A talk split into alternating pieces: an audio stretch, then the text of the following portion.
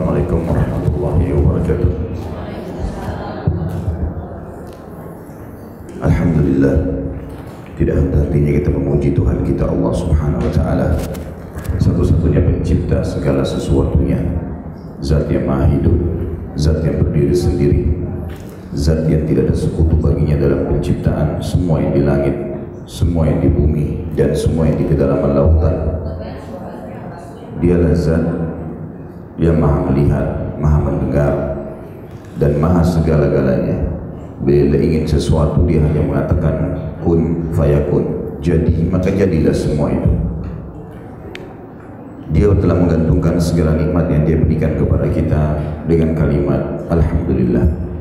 Maka sangat wajar sebagai orang yang beriman kepada Allah selalu mengucapkan kalimat ini. Juga kita panjatkan senantiasa salam hormat, salawat dan taslim kepada satu-satunya guru, kiai, suri tauladan setiap orang yang beriman. Siapa pun yang mengikutinya pasti hidupnya akan tenang, dadanya akan lapang, hidupnya memiliki panduan dia tahu mana halal mana haram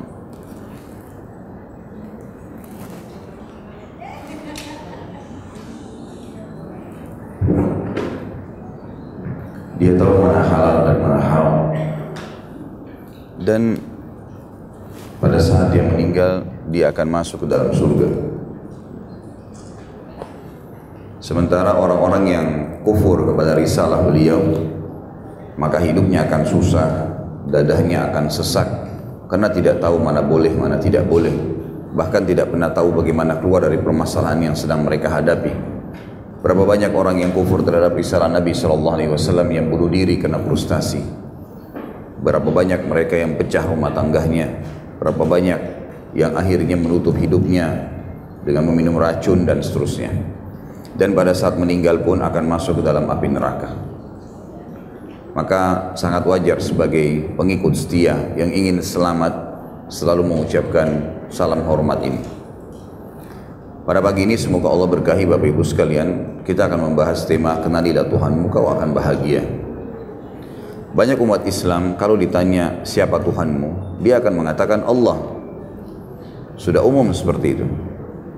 Tapi kalau ditanya lebih jauh, Allah itu ada di mana? Kenapa Allah tidak kelihatan? dan bagaimana cara kamu berhubungan sama Tuhanmu Allah maka mereka sudah tidak punya jawaban hal ini yang akan kita bahas pada kesempatan ini. Di mana Tuhan kita Allah? Kenapa dia tidak kelihatan? Dan bagaimana caranya berhubungan dengannya? Ada sebuah hadis Bapak Ibu sekalian yang saya waktu masih kuliah dulu sering dengar dari dosen-dosen saya. Dan hadis ini masyhur sekali, hadis sahih kata Nabi SAW, Al-imanu bid'u wa sab'una syu'bah. Iman itu 70 sekian tingkatan. A'lahu kalimatu la ilaha illallah, yang tertingginya adalah kalimat la ilaha illallah. Wa adnahu imatatul adha anit tariq. Dan yang paling rendah dari keimanan itu adalah memindahkan sesuatu yang berbahaya dari jalanan. Saya terus bertanya dalam diri saya, dari semenjak saya SMA masuk di Madinah tahun 90 sampai beberapa tahun yang lalu saja. Ini kira-kira apa makna daripada hadis ini? Apakah maknanya kalau seseorang mengatakan la ilaha illallah dengan lisannya berarti dia sudah mencapai tingkat iman tertinggi? Berapa banyak orang yang sudah bisa mengucapkan kalimat ini? Bahkan anak kecil pun bisa mengucapkan. Pemabuk pun di pinggir jalan bisa mengucapkannya. Apakah dengan ucapan ini berarti mereka sudah jelas ya, imannya tertinggi? Terus berkecamuk di benak saya pada saat itu dan akhirnya saya diberikan petunjuk oleh Allah Subhanahu wa taala untuk memahaminya. Setelah bertahun-tahun saya coba mencari tahu apa jawaban daripada perkataan Nabi sallallahu alaihi wasallam tadi. Akhirnya saya coba melihat secara pribadi ke langit semaksimal mungkin yang mata saya bisa jangkau. Dan ini saya berbagi bagaimana sebenarnya saya mengenal Tuhan saya Allah Subhanahu wa taala agar Anda semua juga bisa mengenalnya. Saya coba lihat ke langit, semua yang bisa dijangkau oleh mata saya maksimal. Pada saat saya sedang berada di pinggir pantai, saya coba melihat semaksimal mungkin mata saya yang bisa terjangkau oleh mata saya. pulau yang kecil, kapal-kapal, burung yang berterbangan, dan seterusnya. Itu saya coba untuk perhatikan.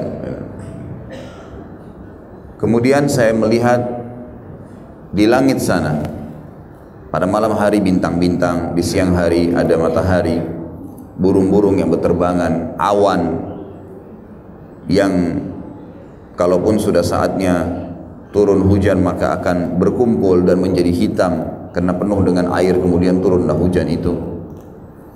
Semua yang ada di daratan yang bisa dijangkau oleh mata saya semuanya apa yang saya bisa lihat yang saya mampu lihat dari manusia beragam macam suku bahasa kemudian poster tubuh paras wajah semuanya itu dengan keajaiban yang luar biasa. Kita kalau lagi pergi haji melihat dengan beragam macam model manusia warna kulitnya, poster tubuhnya, paras wajahnya dari yang sangat sempurna sampai yang menurut manusia jelek. Bahasa yang luar biasa kita tahu negara kita Indonesia ini punya tidak kurang dari 6.000 bahasa. Terdiri dari 13.000 pulau. Itu baru Indonesia. Belum seluruh dunia ini. Bisa lebih dari puluhan ribu bahasa yang ada. Kemudian saya lihat ke hewan-hewan yang maksimal mata saya bisa jangkau. Pada saat Idul Kurban atau keseharian daging-daging hewan yang dijual di pasar. Semuanya bisa dijangkau oleh mata saya dengan beragam macam bentuknya, rupanya, karakternya. Dari serangga yang kecil, semut sampai gajah yang besar. Dan jutaan populasi yang ada dari setiap jenis hewan ini. Tidak pernah habis. Juga ada yang bisa difungsikan oleh manusia dididik, ditunggangi. Ada yang tidak bisa kemudian semua jenis tumbuh-tumbuhan saya lihat semua jenis pohon saya pernah berceramah sampai ke Irian dan saya temukan hutan yang sangat luas pohon-pohon yang sangat banyak dari yang besar, dari yang kecil dengan beragam macam jenisnya, manfaatnya, sayur-sayuran dan buah-buahan yang tidak pernah habis di pasar kita. Terus saja ada. Semua yang bisa dijangkau oleh mata saya. Kemudian saya pernah melihat cuplikan lautan. Berapa juta space jenis hewan lautan yang ada di sana. Dari yang kecil sampai yang paling besar jenis ikan kah, udang kah, cumi kah, apa saja. Semua itu yang bisa dijangkau oleh mata saya di langit, di bumi dan di kedalaman lautan. Saya coba hubungkan dengan konsep agama. Ternyata saya mendapatkan sebuah jawaban Bapak Ibu sekalian, makna daripada iman yang tertinggi adalah kalimat la ilaha illallah kembali kepada makna hakikatnya jadi ulama akidah selalu mengucapkan mengatakan la ilaha illallah itu makna dalam bahasa Arabnya pun ada la ma'budu bihaqqin illallah yang berarti tidak ada Tuhan yang berhak untuk disembah, dipatuhi, ditunduki kecuali Allah. Artinya, saya coba hubungkan dengan hasil penelitian lapangan tadi yang saya lakukan sederhana sekali. Saya tidak katakan penelitian lah, cuma sekedar bertafakur maka saya temukan ternyata semua yang di langit yang bisa kelihatan oleh mata saya tadi semua yang kelihatan di bumi dengan beragam macam macamnya tadi dari manusia, dari hewan-hewan, dari sayur tumbuh-tumbuhan yang di kedalaman lautan juga. Dan ditambah lagi dengan yang tidak bisa kelihatan oleh mata saya sebagai seorang muslim saya tahu di langit sana ada banyak malaikat. Di bumi ini masih banyak makhluknya Allah yang tidak terjangkau dengan panca indera manusia seperti jin misalnya. Seperti karakter-karakter manusia, rasa, rasa sakit, rasa uh, rasa senang, rasa sedih, perasaan. Bisa dirasakan tapi tidak bisa dilihat. Kemudian semua yang lain yang belum bisa dijangkau oleh mata saya ternyata kalimat rahasianya kembali kepada la ilaha illallah. Tidak ada yang menciptakannya, tidak ada yang mengurusnya, tidak ada yang menyiapkan segala kebutuhannya, tidak ada yang mengawasinya dan tidak ada yang memusnahkan serta memilikinya kecuali Allah. Apa pun yang kelihatan oleh mata saya dan tidak kelihatan di langit, di bumi, di kedalaman lautan, kalimat rahasianya la ilaha illallah. Ternyata iman yang tertinggi Bapak Ibu sekalian adalah kalau seseorang sudah menanamkan makna tadi yang saya sampaikan, semua yang bisa dilihat oleh mata dia atau tidak dilihat oleh mata dia, di langit kah, di bumi kah, di kedalaman lautan kah, semuanya adalah makhluknya Allah. Itu maknanya. Kalau seseorang sudah pada tingkat itu pemahamannya, maka berarti dia sudah dia sudah sampai pada tingkat keimanan yang dimaksudkan oleh Nabi Shallallahu Alaihi Wasallam tadi. Bahwasanya kalimat tertinggi iman tertinggi adalah la ilaha illallah. La ma'budu bihaqqin illallah. Tidak ada Tuhan tidak ada pencipta pemilik pengawas dan pemusnah semua yang di langit semua yang di bumi semua yang di kedalaman lautan kecuali Allah.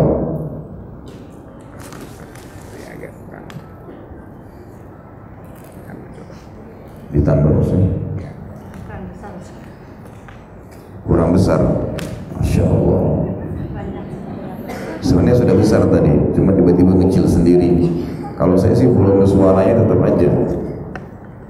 Sudah jelas belum habis ini saya nggak mau lagi kalau saya ngomong diputus baik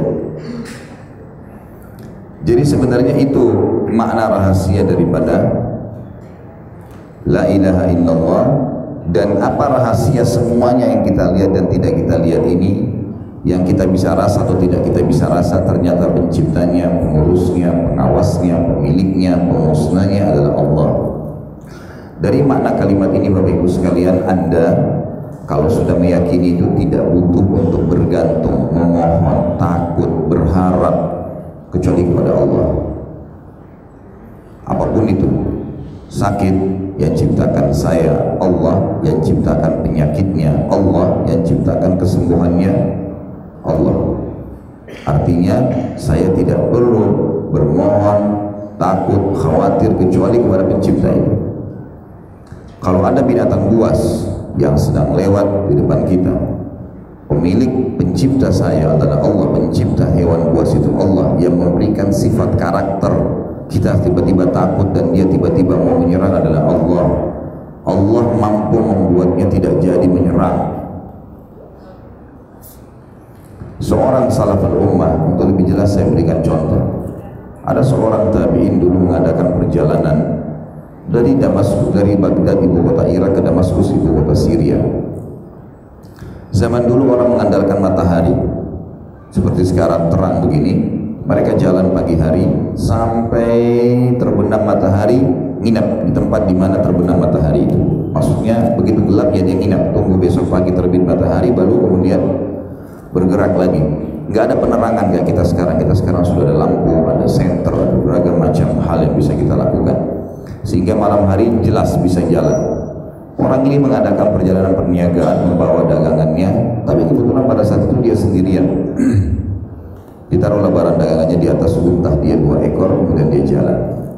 Pas tiba di malam hari berketepatan secara tidak disengaja dia berada di sebuah hutan. Gelap sudah mulai maghrib.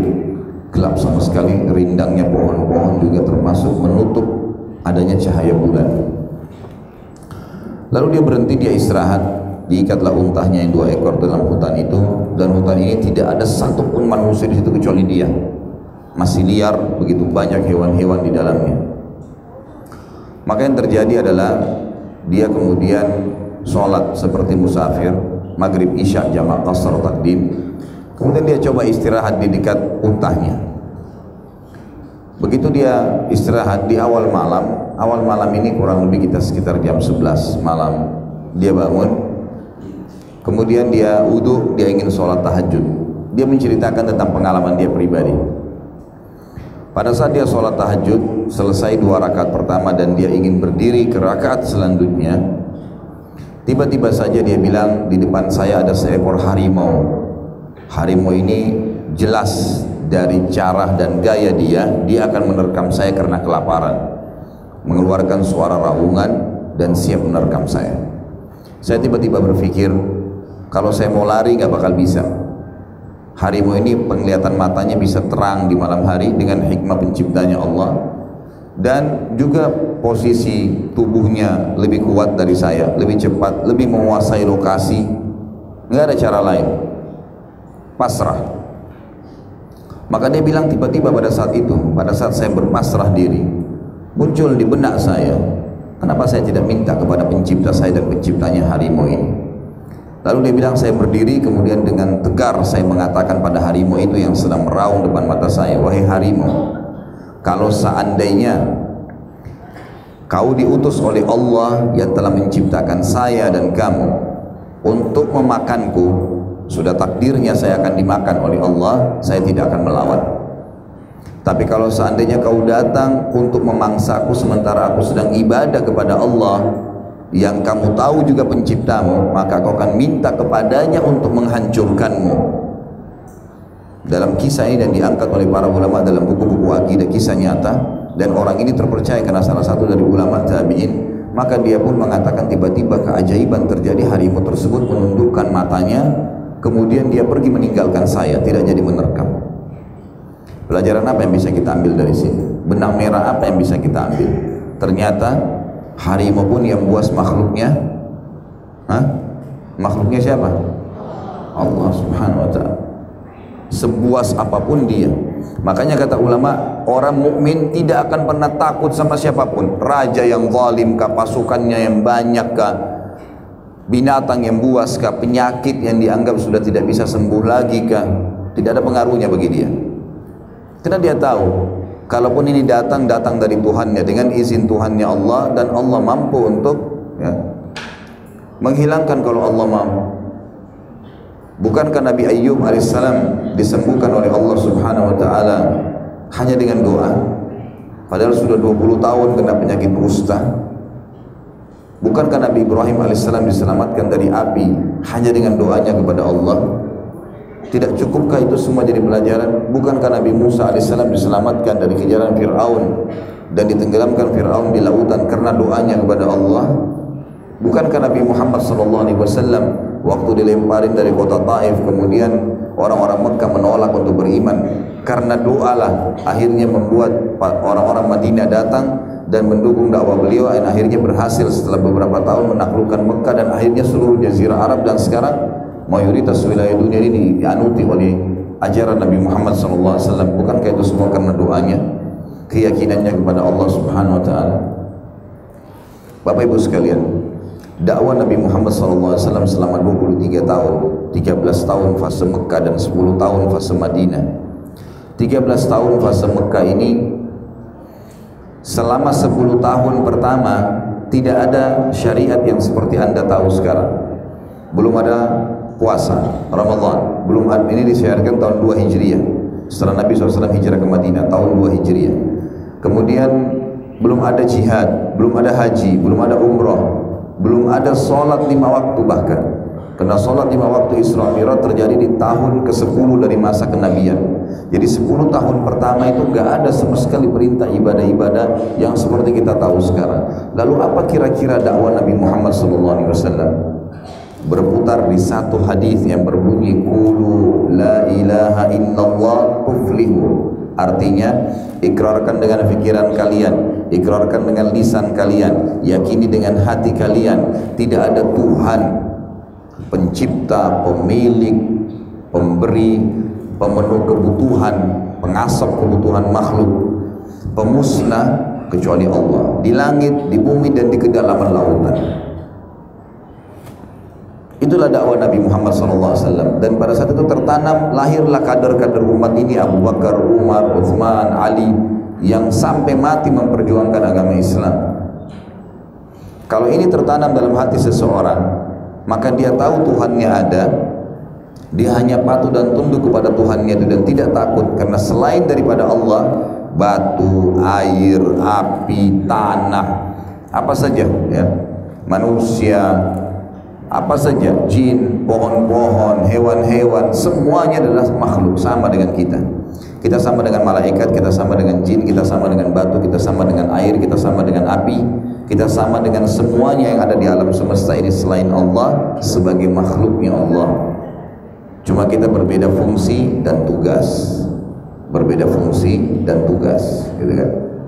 Jadi jangan pernah menyembah menggantungkan menggantungkan nasib pada makhluk-makhluk tersebut karena sama saja dengan kita. Sama saja dengan kita.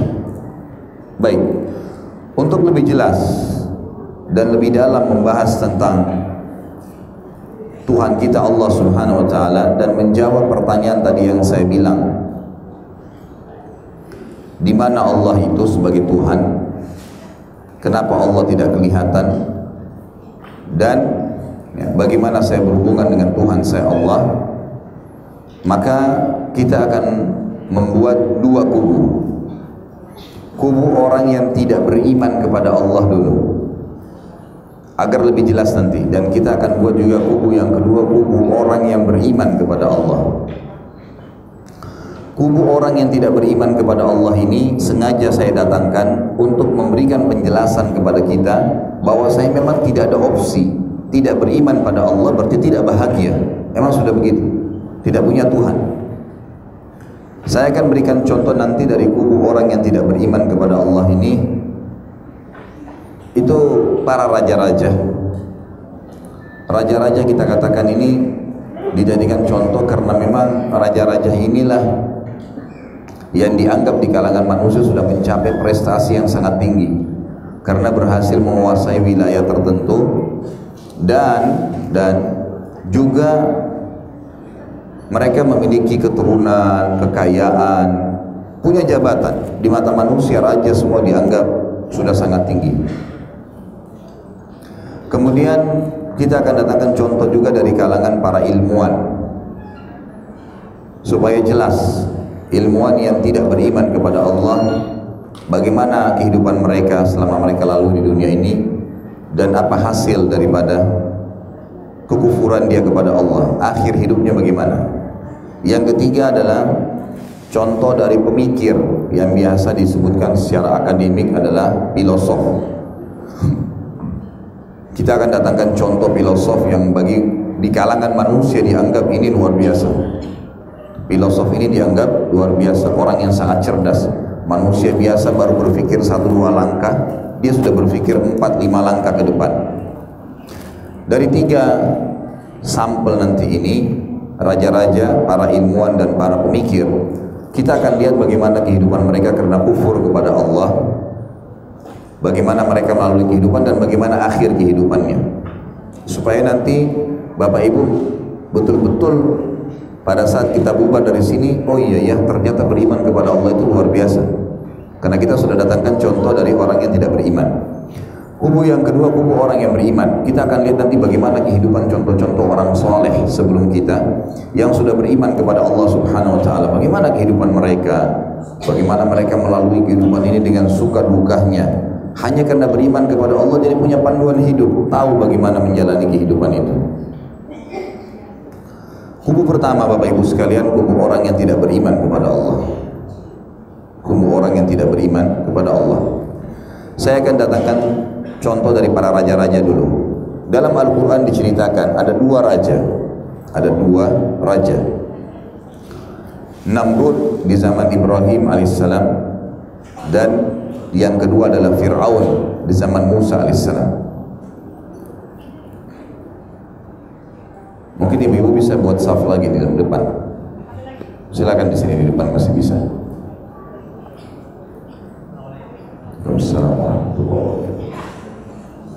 Bapak-bapak maaf agak merapat ya biar yang telat bisa mengisi merapat ya saf saf majelis ilmu beda dengan saf sholat jadi jangan gunakan saf sholat dalam majelis ilmu nggak ketemu nanti. Kebesaran.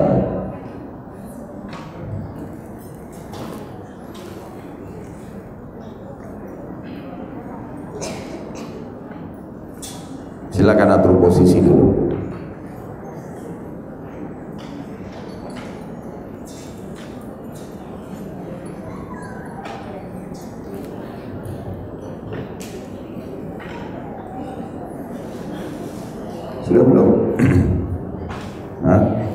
Sudah belum?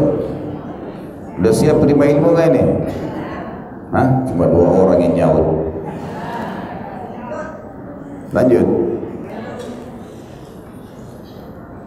Baik. Kubu orang yang tidak beriman. Ini masih bisa satu di pojok. Bu, maaf bu. Bu, merapat ke sini.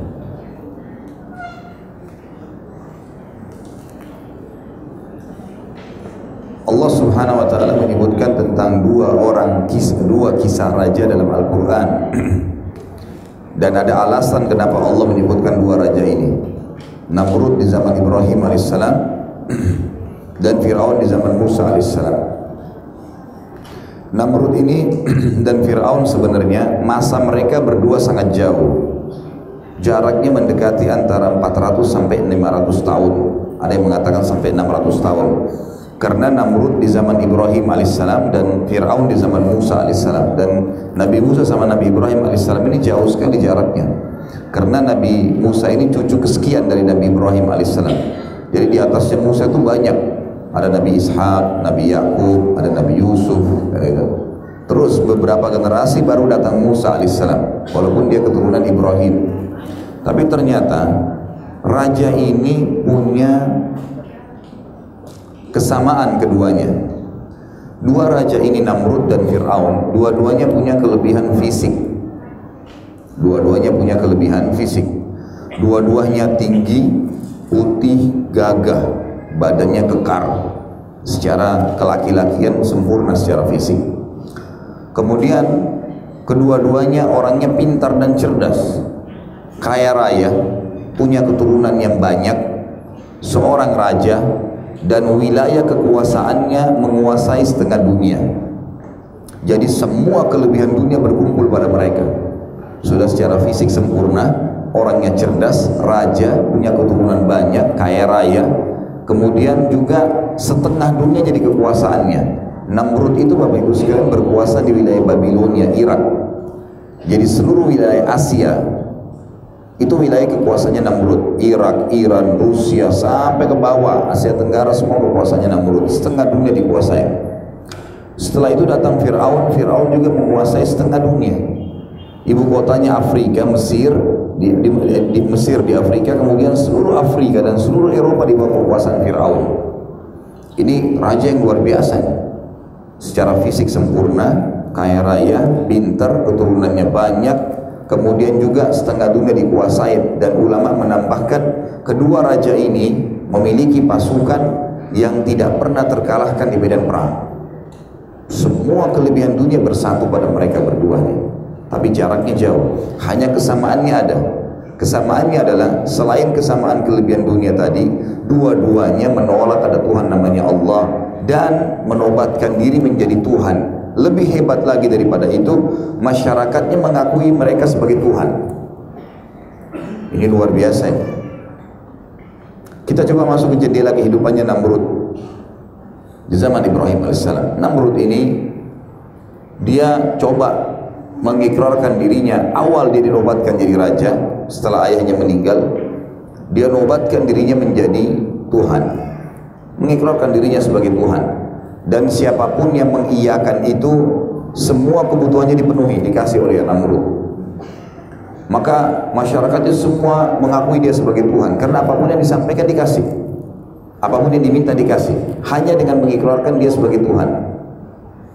Sampai akhirnya menyebarlah penyembahan terhadap Namrud ini begitu dia baru menobatkan diri menjadi raja menjadi Tuhan seperti ini hari pertama dan mulailah dia membagi-bagi segala macam kebutuhan masyarakatnya sehingga dia diakui sebagai Tuhan. Allah Subhanahu wa taala membuatnya mimpi. Dia mimpi kerajaannya hancur. Kebakaran sana sini. Maka dia kaget di tengah malam, kemudian dia bangunkan seluruh penasehat-penasehatnya. Bangun semua, dibangunin. Salah satu penasehat terdekatnya Namrud itu bernama Azar bernama Azar. Azar ini ayahnya Nabi Ibrahim alaihissalam.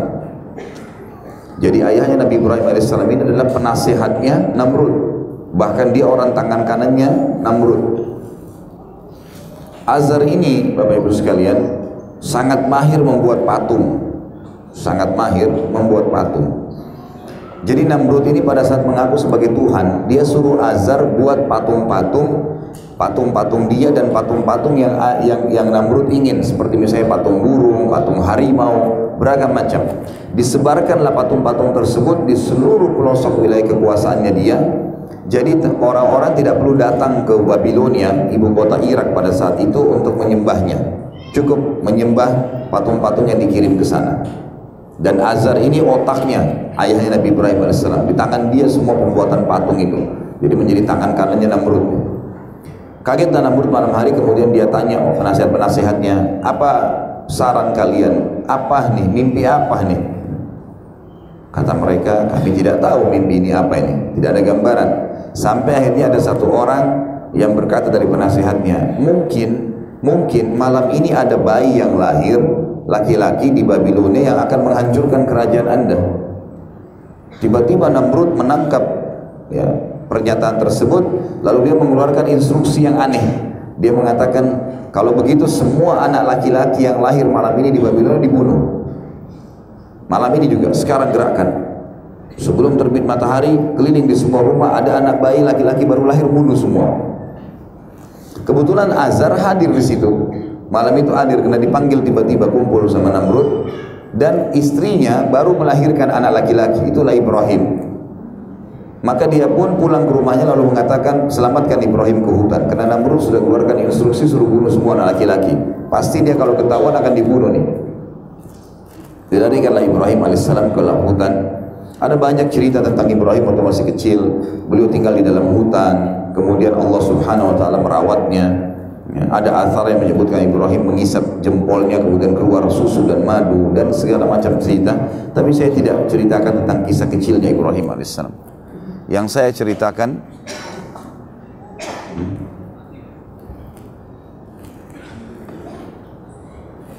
Bismillah. Yang saya ceritakan adalah Ibrahim alaihissalam mulai dinobatkan jadi nabi. Namrud waktu mimpi dan menjadi raja tadi umurnya 30 tahun. 40 tahun kemudian 40 tahun kemudian setelah Ibrahim berumur 40 tahun berarti Namrud sudah berumur berapa? 70 tahun. Jadi selama 40 tahun itu Namrud dianggap Tuhan benar oleh masyarakatnya. Sudah tertanam betul-betul keyakinan tersebut. Sampai wilayah kekuasaan Namrud banyak kuil-kuil yang dibuat tempat sesembahan ya. tempat sesembahan. Yang tempat sesembahan tersebut dipenuhi oleh patung dengan patung-patung. Di antaranya adalah patung Namrud. Eh, lebih baik yang di handheld pusat dilepas pakai yang ini. Masya Allah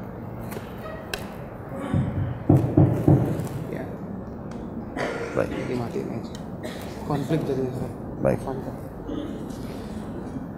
Bismillah. Dengar nggak? Sudah sampai mana? Namrud kenapa Namrud? Baik. Akhirnya Namrud sudah waktu itu didobatkan jadi raja dan memang dia buat kuil-kuil yang banyak sekali. Kuil-kuil ini di antaranya di pusat Babilonia sendiri itu ada kuil yang besar sekali pada saat itu dibuat di dalamnya penuh dengan patung puluhan patung. Ada patung singa, patung burung, patung macam-macam dan di tengah-tengah kuil di ujung sekali itu patungnya Namrud. Selalu begitu dia buat kuil, harus ada patung dia. Jadi masyarakat yang tidak sempat datang ke istananya untuk menyembah itu datang ke kuil-kuil ini. Kasih sesajen, mohon-mohon, menyembah selain Allah.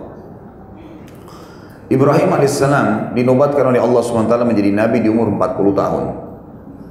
Lalu kemudian kisah beliau adalah beliau masuk di Babilonia. Tinggal di luar Babilonia tadinya, di hutan, sekitar hutan, kemudian beliau masuk ke Babilonia. Ringkas cerita itu kisah Nabi Ibrahim AS panjang ya. Pada saat dia pertama mengenal Tuhannya, melihat bintang, melihat bulan, melihat matahari. Terus saja sampai akhirnya dia mengenal Allah subhanahu wa ta'ala. Mengatakan tidak mungkin ada Tuhan yang bisa hilang seperti matahari yang menghilang, bulan yang tidak kelihatan dan seterusnya setelah terbenamnya matahari tidak kelihatan lagi mataharinya atau bulan setelah terbitnya matahari tidak kelihatan. Ringkas cerita adalah Ibrahim alaihissalam masuk ke Babilonia, kemudian Ibrahim alaihissalam tidak menunda dakwahnya. Langsung ke pusat kota Babilonia dan mendatangi kuil yang banyak patung-patung itu. Dan kebetulan pada saat itu di malam hari, masyarakat Babilonia lagi menyembah patung-patung ini. Lagi mohon-mohon, bawa sesajen. Kuil itu cukup tinggi, dan sekarang masih ada puing-puingnya di Irak. Jadi kalau salah satu di antara Anda pergi ke Irak atau melihat cuplikan tentang Irak yang dianggap kisah sejarah itu adalah peninggalan kerajaan Namrud ini. Maka yang terjadi Bapak Ibu sekalian, Ibrahim alaihissalam datang ke kuil tersebut. Patung-patung itu kebetulan di tengah-tengah kuil ada jalan yang panjang untuk orang masuk dan orang keluar. Di kiri kanan tembok penuh dengan patung-patung yang besar. Di tengah-tengah ruangan ada patung Namrud yang besar. Dan di situ antara orang dengan patung itu ada jedah bangunan yang cukup tinggi. Orang harus lewat tangga untuk naik ke atas dan sudah menjadi doktrin, dogma pada saat itu, keyakinan kalau tidak boleh orang biasa mengantar sesajen ke patung-patung itu. Harus melalui penjaga kuil. Jadi penjaga kuil ini punya kedudukan tersendiri. Siapa yang mau kasih sesajen, punya hajat apa, dikasih. Dia mau kasih kepada patung yang mana nih? Misal patung sana. Lalu kemudian nanti dia yang antar ke situ. Tiap hari mereka lakukan kebodohan ini. Ringkas cerita Ibrahim alaihissalam malam itu langsung datang ke kuil tersebut. Sementara orang lagi memuja-muja patung, Ibrahim alaihissalam naik ke tangga yang untuk pergi ke patung-patung itu. Gitu. Lalu Ibrahim alaihissalam pada saat dia naik, orang tahu Ibrahimnya tidak dikenal sebelumnya dan tahu siapa penjaga kuil, musuhnya yang biasa bisa naik. Orang lain selain penjaga kuil yang naik pasti kualat tuh. Nanti kena penyakit, nanti kena petir, nanti kena macam-macam. Keyakinan mereka pada saat itu. Ringkas cerita, Ibrahim alaihissalam sengaja naik. Orang-orang semua akhirnya matanya menuju ke Ibrahim. Ibrahim alaihissalam datangin patung yang pertama.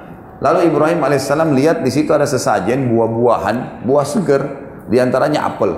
Ibrahim alaihissalam ngambil apel itu. Orang-orang semua heran, ini keyakinannya jangankan ngambil sesajen itu, mendekati saja sudah kualat. Gitu kan. Ibrahim alaihissalam ambil apel itu, kemudian sengaja menggigitnya di depan mereka, bukan untuk makan, Lalu Ibrahim balik ke patung itu sambil berkata, Wahai yang dianggap Tuhan oleh masyarakat Babilonia, apa kau tidak marah saya ambil apelmu? Kira-kira patung nyaut nggak? Gak ada suara. Hening pada saat itu. Tapi orang sudah yakin ini Tuhan mereka. Ya, gitu. Maka Ibrahim ulangi alaihissalam. Wahai yang dianggap Tuhan oleh masyarakat Babilonia, kau tidak marah saya makan apelmu? Gak ada suara. Tiga kali, wahai yang dianggap Tuhan oleh masyarakat Babilonia, yang selalu dipuja, dipuji, kau tidak marah saya ambil apelmu? Gak ada suara. Ibrahim melakukan gerakan yang lebih lagi daripada itu. Apel yang sudah digigit tadi, dilempar ke wajahnya patung itu. Jatuh apel, ini penghinaan luar biasa. Jatuh apel tersebut sudah pasti tidak ada apa-apa. Lalu dia balik lagi, wahai yang dianggap Tuhan masyarakat Babilonia, kau tidak bisa lawan saya, saya sudah lempar wajahmu dengan apel ini. Sudah saya ambil apelmu, saya lempar lagi wajahmu. Gak ada suara tentunya. Makin hening suasana. Ini yang hadir di kuil-kuil ini besar sekali. Bisa bisa menampung sampai ribuan orang. Dan Ibrahim AS melakukan gerakan ini luar biasa. Di malam yang memang mereka lagi puncaknya beribadah lah. Lalu Ibrahim AS tidak cukup situ. Pindah ke patung sebelah. Lakukan hal yang sama. Patung sebelah sama. Terus dikelilingi semua puluhan patung itu. Sampai selesai semua, orang-orang menyaksikan kejadian tersebut dengan tercengang. Lalu Ibrahim balik ke arah mereka mengatakan, Wahai masyarakat Babilonia, apakah kalian tidak punya akal menyembah patung-patung yang kalian pahat sendiri, yang kalian buat sendiri matahnya, tidak bisa berbuat apa-apa. Bukankah saya sudah buktikan ke kalian, saya ngambil sesajen yang kalian kasih, mereka tidak bisa marah. Saya lempar ke wajahnya, mereka tidak bisa marah. Dan saya bahkan bisa menghancurkan Tuhan-Tuhan kalian dengan tangan saya. Orang-orang Babilonia hening semua. Kata Ibrahim, yakinlah dan percayalah, saya utusan Allah dan Allah Tuhan kalian yang menciptakan langit dan bumi ini. Dialah yang harus ditundukin. Orang semua tenang, nggak ada yang bicara. bingung antara iya atau tidak. Ini baru ucapan pertama dakwah Nabi Ibrahim alaihissalam. Maka mereka pun akhirnya ada yang diam terus keluar dari kuil. Kata Ibrahim alaihissalam, demi Allah kalau kalian tidak mau meninggalkan menyembah berhala-berhala ini, maka saya akan melakukan tipu daya terhadap Tuhan-Tuhan kalian. Mereka keluar dari kuil, Ibrahim alaihissalam turun juga dari tempat tersebut. Tidak ada yang berani menyentuh Ibrahim karena Ibrahim ini sudah mengalahkan Tuhan mereka. Berarti ini bahaya, lebih berbahaya Ibrahim daripada Tuhan, gitu kan? Mereka tidak ada yang berani dekat dengan Ibrahim alaihissalam. Ibrahim keluar, ngambil kampak, kembali lagi masuk. Tapi orang-orang sudah bubar semua nih, tinggal penjaga kuil pada saat itu. Ibrahim AS naik kuil ini patungnya dihancurin semua, dipotong tangannya, dipecahin kepalanya, potong kakinya, semua dirusakin sama Ibrahim, berantakan. Penjaga kuil sendiri ini tidak berani, tetap masih menganggap Tuhan. Ini sudah puluhan tahun keyakinannya. Dihancurin semua sama Ibrahim AS, lalu kepala-kepala patung itu, tangannya, kakinya ditumpukin di patungnya Namrud yang besar. Lalu kampak yang Ibrahim pakai AS menghancurkan tadi ditaruh di tangannya patung Namrud. Udah Ibrahim AS pergi. Besok pagi mereka mau ritual lagi. Bawa lagi sesajen, berantakan semua kuil tersebut. Mereka bilang, siapa yang buat nih? Kok bisa terjadi begini pada Tuhan-Tuhan kami? Penjaga kuil bilang, tuh anak muda yang semalam tuh. Ibrahim. Panggil Ibrahim, panggil Ibrahim. Begitu Ibrahim datang mereka mengatakan Al-Quran menceritakan Anta fa'alta hadha bi'alihatina ya Ibrahim Apa kau yang buat ini terhadap Tuhan kami wahai Ibrahim? Apa jawab Ibrahim? Yang pegang tampak itu siapa? Kok tanya saya? Itu kampakan di tangannya patung yang besar. Tanya kalau dia bisa ngomong, gitu kan. Maka Allah mengatakan mereka pun kembali ke diri mereka sendiri. Benar nih. Kan itu. Gak mungkin Tuhan tidak bisa membela dirinya dan juga tidak mungkin secara akal dia bisa sebenarnya menghancurkan yang lainnya. Lalu kata mereka, pada kondisi hening semuanya, mereka ada satu orang yang nyaut. Ini kita harus lapor kepada Tuhan kita yang paling besar, Namrud. Namrud kebetulan punya tradisi Bapak Ibu sekalian setiap pagi dia selalu uh, setelah mandi rapi segala duduk di singgasananya ada gorden yang nutupin antara dia dengan orang-orang di depannya. Begitu selesai dia duduk sudah rapi semua singgasananya sudah rapi mahkota sudah rapi dibuka gorden tersebut. Begitu dibuka maka seluruh orang yang ada di depannya sujud kepada dia. Bertahun-tahun mengatakan wahai Tuhan Namrud termasuk istri dan anaknya setiap pagi, gitu kan? Mengatakan wahai Tuhan yang Namrud, Tuhan Namrud nggak bisa tidak lagi mengatakan Raja Namrud, Tuhan. Dan itu terjadi bertahun-tahun. Ibrahim alaihissalam waktu diancam begitu, kita mau lapor kepada Tuhan kita terbesar. Kata Ibrahim, nggak usah lapor, saya ke sana. Saya mau langsung ke istananya Namrud. Ibrahim alaihissalam pergi ke sana sendirian. Orang-orang sama orang-orang berbondong-bondong masuk. Banyak istananya Namrud besar. Orang banyak mau sujud kepada Namrud. Karena setiap sujud minta apa-apa dikasih. Minta makanan, minta uang, minta apa saja dikasih sama Namrud. Maka pada saat diangkat tirainya, Namrud sudah mulai kelihatan orang semua sujud, Ibrahim AS tidak sujud, berdiri sendiri. Namrud heran, 40 tahun tidak pernah ada orang membangkang. Baru kali ini. Dia tanya, siapa kamu ini berani benar nggak sujud dengan saya? Ibrahim alaihissalam nabinya Allah. Dan ini sudah berkarat nih penyakit, gitu kan? Maka tidak bisa lagi dengan cara yang pelan. Kata Ibrahim alaihissalam dengan tegas, wahai Namrud, bukan lagi wahai raja, apalagi Tuhan, dipanggil namanya. Anak istrinya saja nggak berani panggil namanya Namrud, Tuhan Namrud. Wahai Namrud, dari mana kau mengaku sebagai Tuhan? Kamu manusia biasa seperti saya. Kamu punya dua mata, saya juga punya dua mata. Kamu dua, punya dua kaki, punya dua tangan, saya juga sama. Kamu juga sama seperti saya. Lahir dari rahim seorang wanita, kemudian bayi, anak-anak, remaja, tua seperti kamu sekarang, dan kau juga akan mati. Tuhanku dan Tuhanmu, serta Tuhan segala sesuatu ada namanya Allah. Allah itu menghidupkan dan mematikan. Kita bayangkan di posisi Namrud, kaget luar biasa, belum pernah ada yang bantah ketuhanannya seperti ini. Tapi dia tidak mau tunjukkan dalam kondisi itu dia tidak mau tunjukkan kalau dia ini terkalahkan.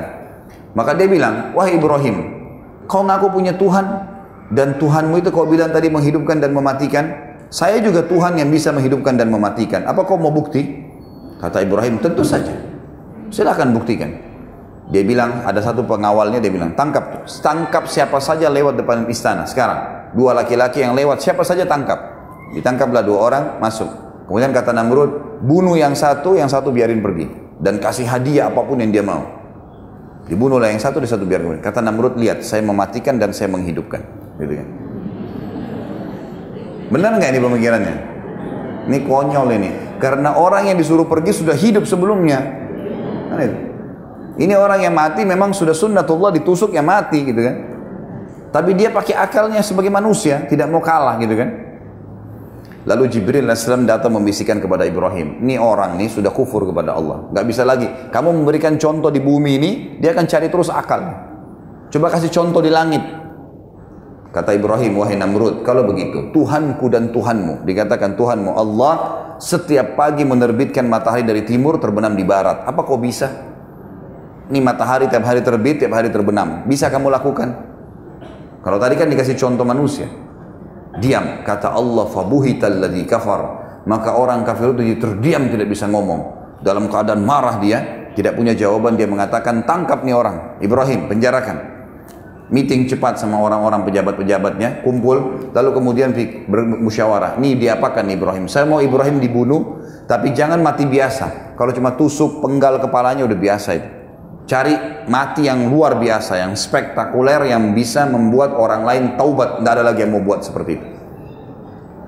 Musyawarah, musyawarah, musyawarah sampai seminggu muncul ide. Waktu itu Ibrahim sambil di penjara alaihissalam. Muncul ide buat api, bakar. Tidak ada cara membunuh manusia yang menyakitkan mengalahkan api. Karena kalau dibakar, terbakar kulitnya, dia teriak kesakitan, oh, sampai mati dan matinya lama lagi. Itu itu yang paling efektif. Namrud bilang baik, keluarkan semua biaya, kerahkan semua tenaga, buat api, bukan api 2-3 meter tingginya, dua, diameternya misalnya, ukuran tempatnya enggak, dibuat sekitar 30 sampai 40 siku ke langit. Jadi sekitar 17 setengah meter. Untuk membunuh manusia, bakar api unggun saja sudah bisa dibakar gitu. Tapi ini enggak, dia buat api yang luar biasa supaya seluruh masyarakat dunia bisa menyaksikan. Dibuatlah tumpuhan yang tinggi, kemudian di tengah-tengahnya dipenuhi dengan api bara besar sekali dan itu dibuat sengaja tinggi sehingga orang dari jarak jauh pun bisa melihat, gitu kan. Misal kalau kita bilang di atap kita lihat ini jadikan pondasi, atap inilah tempat api itu, orang dari jauh pun bisa melihatnya. Ringkas cerita adalah dibakarlah api tersebut dengan biaya yang besar, dengan tenaga yang besar. Di sekitar api Namrud letakkan prajurit-prajurit pilihannya untuk menjaga. Lalu Ibrahim alaihissalam dikeluarkan, kemudian Ibrahim alaihissalam dibuka bajunya. Supaya kata Namrud dia bisa merasakan lebih sakit lagi daripada ya, api itu. Waktu Ibrahim alaihissalam akan dilempar dari jarak jauh masuk ke dalam api, gitu kan? Maka yang terjadi adalah Ibrahim alaihissalam sempat kedatangan Jibril alaihissalam dan Jibril berkata wahai Ibrahim Allah telah mengutus saya kepada kamu dan Allah berkata kepada saya bahwasanya Jibril bantulah Ibrahim apa pun yang dia mau maka sekarang kau bisa minta tolong sama saya apa saja Ibrahim. Kau minta saya bunuh Namrud, saya matikan Namrud. Kau minta saya hancurkan Babilonia, saya hancurkan Babilonia. Kau minta saya padamkan api, saya apa saja minta sekarang saya bisa jalankan. Titahnya Allah kepada saya begitu. Kata Ibrahim alaihissalam, wahai Jibril, kalau kepadamu saya tidak perlu. Tapi kalau kepada Allah, saya akan minta. Makanya Allah memuji Ibrahim mengatakan, Inna Ibrahim kana ummah. Ibrahim itu satu orang tapi seperti satu umat keyakinannya. Luar biasa. Jibril pun dia tidak mau minta tolong. Gitu kan. Maka dengan setelah itu Jibril pun alaihissalam pergi, lalu berkata Ibrahim alaihissalam, Ya Allah, zat yang telah aku imani secara gaib. Gak kelihatan. Gitu kan. Gak ditahu Allah itu, tidak kelihatan cuma bisa dirasakan keberadaannya kan gitu diyakini keberadaannya Aku yakin engkau yang telah menciptakan aku dan segala sesuatunya termasuk api di depanku ini. Api ini lagi berkobar besar. Ibrahim sudah diikat, dilempar dari jarak jauh dengan katapel gitu. Jadi jauh sekali jaraknya. Agar kelihatan oleh orang-orang. Lalu dia bilang, engkau yang telah menciptakan aku dan seluruh segala itu dan termasuk api dan engkau yang menjadikan api ini dasalnya, fitrahnya panas. Jadikanlah api ini dengan kemaha besaranmu dingin dan keselamatan untukku. Balik dari panas menjadi dingin. Maka Allah SWT mengatakan kami terima permohonannya Ibrahim dalam kondisi dia ingin membuktikan kebesaran Allah. Maka dilemparlah Ibrahim alaihissalam dari jarak jauh. Pada saat dilempar Ibrahim alaihissalam ada satu ya, kejadian juga di situ. Ibrahim alaihissalam pada saat masuk ke dalam api Tentu Bapak Ibu sekalian manusia kalau kena api sekuat apa pun badannya, sekekar apa pun pasti teriak, gitu kan? Gak ada, gak ada yang bisa menahan panasnya api. Maka begitu Ibrahim AS masuk ke dalam api, subhanallah gak ada teriakan, gak ada jeritan, gak ada suara apa pun. Gak ada hening sekali. Orang-orang sempat bertanya, ini Ibrahim ini mati atau enggak ya? Namrud pun bingung. Tidak ada orang yang kena api, tidak ada teriakan. Maka Namrud itu tuh kebetulan singgasananya ditaruh di luar, diangkat, kemudian dia berhadapan sama api, dia melihat api itu, dia menyaksikan sendiri. Gak ada suara. Lalu Namrud ingin menenangkan audiensnya, masyarakatnya waktu itu dia mengatakan, Ibrahim sudah mati di awal kena asap saya, asap api saya. Udahlah, orang percaya, orang bubar. Kata Namrud, biarkan tiga hari. Tiga hari biarin, terbakar. Dan jaga, dijaga ketat di sekitar api. Kalau ada Ibrahim mau coba lari, dorong. Gitu kan. Tapi nggak ada suara ini, nggak ada apa-apa ini, nggak ada beri, ada cerita, nggak ada derikan, nggak ada suara sama sekali. Bubarlah semua sampai tiga hari. Namrud ini masih makan, minum, berhubungan biologis dengan pasangannya. Allah membiarkan orang-orang kafir itu melakukan upayanya dan melalui kehidupan dunia yang cuma sebentar ini. Tiga hari kemudian subhanallah dia nikmatin hidupnya luar biasa berpesta-pesta menganggap Ibrahim sudah dibakar sudah mati Hari ketiga dikeluarin lagi singgasana, undang lagi masyarakat Babilonia. Begitu mereka datang semua, lalu kata Namrud, saya ingin padamkan api. Saya ingin lihat debunya Ibrahim.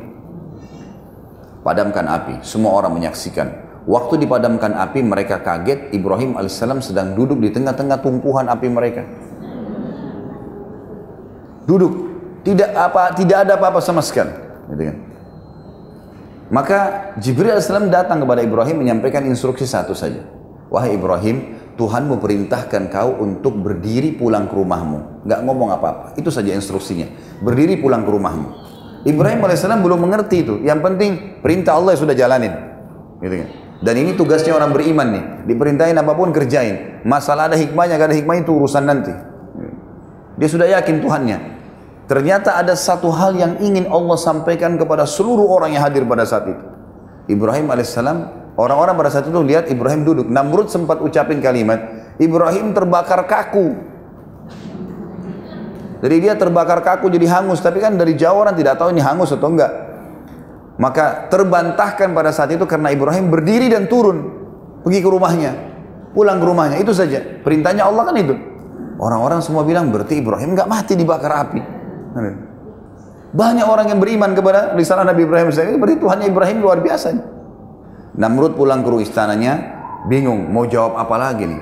Dan kira-kira Bapak Ibu sekalian, dan ini selalu Allah beginikan orang-orang kafir ya. Dibiarkan mereka melakukan upaya mereka maksimal dan akhirnya Allah batalkan dengan hal yang kecil.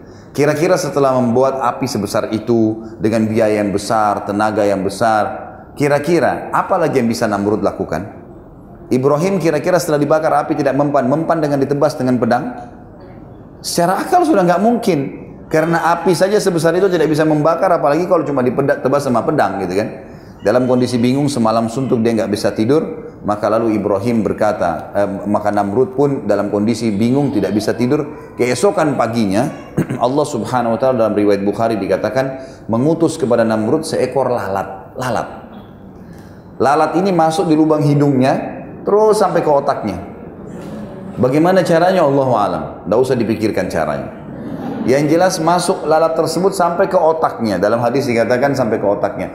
Namrud kesakitan ditepuk-tepuk nggak bisa keluar. Kira-kira lalat ini mau dilawan dengan apa nih? Bisa dengan otot yang besar? Bisa dengan sebilah pedang yang tajam? Satu juta prajurit? Ada yang bisa. Allah ceritakan dalam Al-Quran itu masalah lalat ya. Sedikit saya kuatkan di sini dalilnya bukan berhubungan sama kisah Ibrahim alaihissalam tapi ada firman Allah A'udzubillahi minasyaitonirrajim ya ayuhan nas duriba mathalun fastami'ulah Hai sekalian manusia telah diberikan perumpamaan kepada kalian dengarkan baik-baik renungi baik-baik. Innal ladzina tad'una min dunillah. Semua yang kalian seru selain Allah patung kah pohon kah setan kah malaikat kah semua selain Allah itu la yakhluqu dubaban walau ijtama'ulah mereka tidak pernah mampu menciptakan seekor lalat walaupun mereka bersatu semua semua bersatu, semua jin, semua malaikat, semua hewan-hewan kumpul sama manusia bersatu ciptain satu lalat mereka tidak akan mampu kata Allah. Wa yastanqidhuhu min. Dan kalau lalat mencuri sesuatu dari mereka, mereka tidak mampu mengambilnya kembali. Ini kalau kita punya susu atau air, lalat datang hingga ambil setetes terbang. Bisa diambil kembali? Kata Allah begitu. Da'ufat wal matlub. Sungguh lemah yang disembah dan yang menyembah. Gitu ya. Jadi Allah tantang masalah itu. Namrud ini sempat ingin menyiksa Ibrahim berapa hari tadi? Tiga hari. Allah siksa dia tiga hari. Lalatnya tiga hari di otaknya nggak makan, nggak minum, teriak-teriak, kesakitan, terbolak-balik, nggak tidur, nggak makan, nggak minum. Manusia tiga hari nggak makan, nggak minum, nggak istirahat, sudah kacau balau semuanya. Sehari aja kita begadang sudah pusing besoknya, apalagi ini tiga hari nggak makan, nggak minum dan seterusnya. Dan kesakitan terganggu. Kita maaf, ingus saja yang ada buntu itu sudah susah. Ini lalat di dalam bergerak-gerak, gitu. dia kesakitan. Maka akhirnya tiga hari kemudian dia mati, meninggal, tergelepar di depan singgasananya dan subhanallah pada saat dia meninggal semua pejabatnya datang mendekat orang-orang yang meyakini dia sebagai Tuhan dan dengan hikmah Allah mereka menyaksikan lalat keluar dari hidungnya keluar tuh lalat sehingga mereka tahu Namrud mati dengan seekor lalat tersebar satu Babilonia dulu raja yang selama ini dianggap Tuhan dibunuh oleh seekor lalat. Inilah akhir kehidupan Namrud. Bapak Ibu sekalian, Allah berikan kita akal fikiran, hati nurani, akal dengan kecerdasannya untuk berfikir membedakan mana benar mana tidak, hati nurani dengan perasaannya bisa pekah mengetahui mana yang disuka, mana yang tidak disuka, mana yang harus diikutin dan mana yang tidak diikutin. Sebenarnya sudah cukup dengan satu dua sampel. Ingat, tidak semua orang beriman itu mati badannya wangi, tidak semua. Tapi satu dua orang Allah perlihatkan. Tidak semua orang yang jahat itu meninggal badannya meletup-letup rusak. Enggak. Tapi satu dua orang Allah perlihatkan. Karena kalau setiap orang kafir mati badannya rusak, enggak ada orang kafir nanti. Allah memang sengaja menguji dengan keimanan dan mau beriman enggak, gitu kan? Jadi harus ambil pelajaran. Kalau Bapak Ibu tentu yang sudah pernah susun skripsi S1, tesis S2 atau disertasi S3, di Indonesia ini ada namanya penelitian lapangan. Jadi kita adakan penetapan, kalau saya mau tahu di Rawamangun ini kebiasaan masyarakat apa, saya nggak bisa datangin semua rumah. Datangin RT-nya, RW-nya, sampel-sampelnya sudah ada. Camat, datangin lurah, dia akan berikan informasi lengkap tuh. Ini, begini, begini, begini, selesai. Maka begitulah penelitian, gitu kan, penelitian lapangan. Begitulah Allah berikan kepada kita. Namrud sudah jadi pelajaran sampel manusia satu yang kufur kepada Allah. Nih lihat nih, gini caranya dihancurin. Jangan tunggu semuanya begitu, nggak bisa. Gitu kan? Harus kita peka. Karena manusia itu kalau dengan kepekaannya, dengan akal sehatnya, begitu dia tahu ini salah ditinggalkan, begitu dia tahu benar diikutin, maka dia akan aman tuh. Tapi kalau dia tidak mau Allah datangkan cobaan yang memaksa dia untuk membenarkan kebenaran itu. Pasti nanti dengan penyakit yang berat, dengan cobaan yang berat, terus begitu. Sampai dia meyakininya nanti. Kalau tidak juga maka kufur, masuk neraka. Gitu kan? Sudah seperti itu. Habislah kisah Namrud yang agung tadi, punya singa sana yang besar, sampai sekarang ribuan tahun masih ada patung-patung peninggalannya ada sampai sekarang di Babilonia kalau Bapak Ibu saya tidak tahu di YouTube ada atau tidak coba diketik sisa kerajaan Babilonia coba lihat pasti ada tuh ada patung kepalanya, ada patung-patung besar, ada yang dianggap dulu tempat tungkuhan api yang dibakar Ibrahim alaihissalam, ada puing-puingnya masih ada. Dan, di, dan dirawat oleh pemerintah Irak sekarang karena dianggap itu sejarah, gitu kan. Kita pindah ke raja kedua, Fir'aun. Fir'aun ini zaman Musa alaihissalam. Sepuluh tahun Nabi Musa alaihissalam dakwahin. Wahai Fir'aun, wahai Fir'aun, wahai Fir'aun. Kau manusia biasa, kenapa kau ngaku Tuhan? Beriman kepada Allah tetap dengan kerajaanmu. Nabi-nabi ini kalau datang, dia berdakwah, dia bukan mau ambil kerajaannya orang, enggak. Beriman kepada Allah, jalankan hukum Allah, kau tetap dengan rajamu. Pemimpin perusahaan masuk Islam tetap dengan perusahaannya.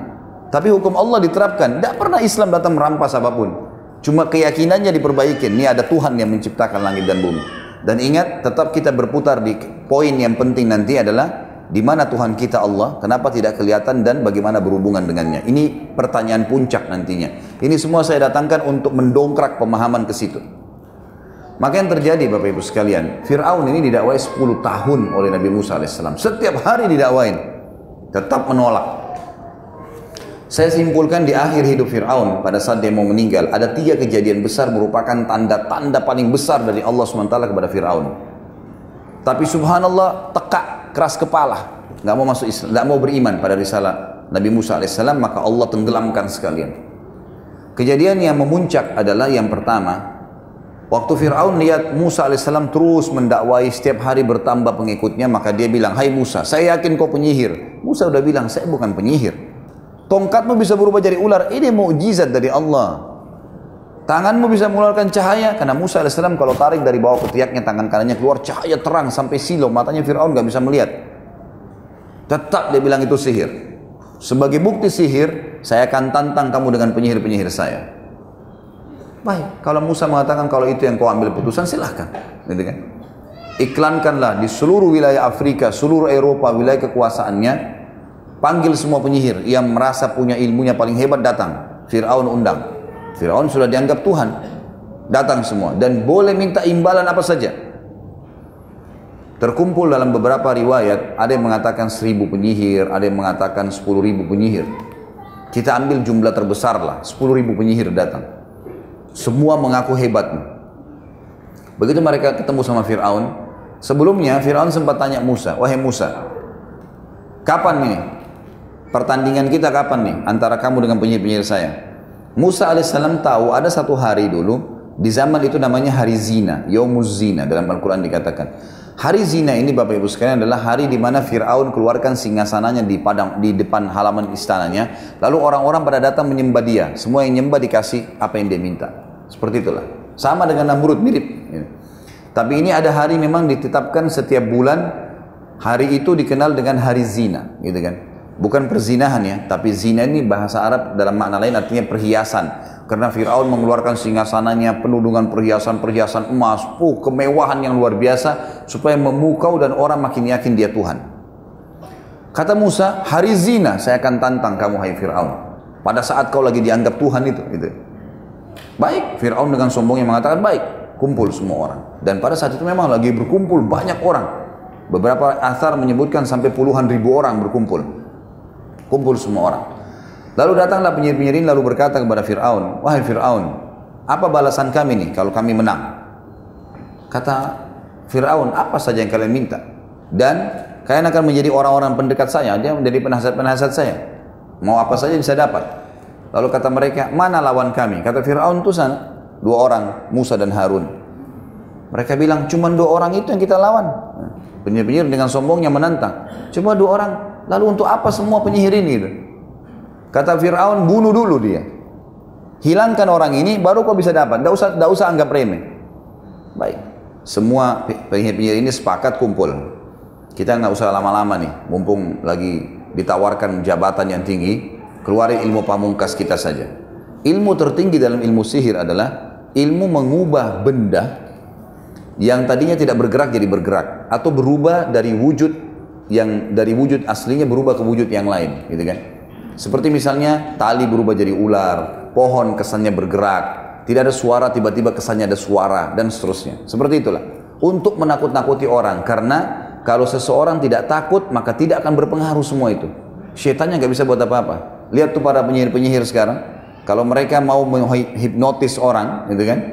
Di TV menepuk orang supaya bisa buat seperti yang dia mau penyihir, sistem penyihir yang dilakukan harus orang-orang itu dulu dikuasai sama dia. Minimal takut minimal percaya baru bisa. Kalau tidak percaya atau tidak takut disuruh turun dari panggung nggak bisa. Dianggap nggak bisa. Karena ini nggak bisa dipengaruhi oleh syaitan gitu kan? Orang kalau punya keyakinan kuat tidak bisa gitu. maka akhirnya penyihir-penyihir ini pun berkata kita keluarin pamungkas ilmu pamungkas. Apa itu? Tali-tali diubah jadi ular 10 ribu orang semua ini pegang tali, kemudian mereka lempar untuk dijadikan sebagai ular yang bergerak. Pertamanya mereka bilang pada Musa, wahai Musa, kamu kayak nunjukkan kemahiranmu dulu atau kami duluan? Kata Musa, silahkan duluan. Lihatkan saja. Maka mereka pun akhirnya kata Allah, mengubah tali-tali mereka, yukhayyalu min sihrihim anha tas'a. Mengubah dengan sihir mereka seakan-akan tali itu bergerak. Berubah jadi ular dan bergerak. Maka semua orang bersorak-sorak waktu itu. Luar biasa ini kejadiannya dan banyak puluhan ribu orang yang menyaksikan. Fir'aun pun dengan banggahnya duduk di singgasananya melihat kejadian tersebut. Nah ini sudah luar biasa. 10 ribu lawan dua orang nggak mungkin. Sempat Nabi Musa AS dalam Al-Quran dikatakan fa'uja fi nafsi khifatan Musa. Musa AS sempat takut sejenak, sebentar. Ragu nih. Lalu Jibril datang mengatakan, Kulna la tahaf. Kami berkata kepada jangan kau takut, inna ka antal ala. Kau pasti menang. Wa alki ma fi yaminika talkafu ma sana'u innama sana'u kaidu sahir wa la yuflihu sahiru haitsu ata. Yang mereka lempar yang di tangan kananmu tongkat tuh di lapangan yang sedang ada pertandingan, gitu kan? Maka pasti akan membatalkan semua sihir-sihir mereka. Karena yang mereka lakukan adalah perilaku sihir dan sihir tidak akan pernah bisa menang dari arah mana pun dengan ayat Allah. Tidak mungkin bisa menang, gitu kan? Musa alaihissalam masuk lempar tongkatnya. Ada alasan di sini Kenapa Al-Quran menceritakan kepada kita? Tiba-tiba waktu tongkat Musa AS dilempar dan jadi ular, seluruh penyihir tersebut sujud dan berkata kami beriman kepada Tuhan yang Musa dan Harun. Apa rahasianya itu? Karena ternyata penyihir-penyihir ini tahu tali yang mereka lempar jadi ular tidak bisa menyerang.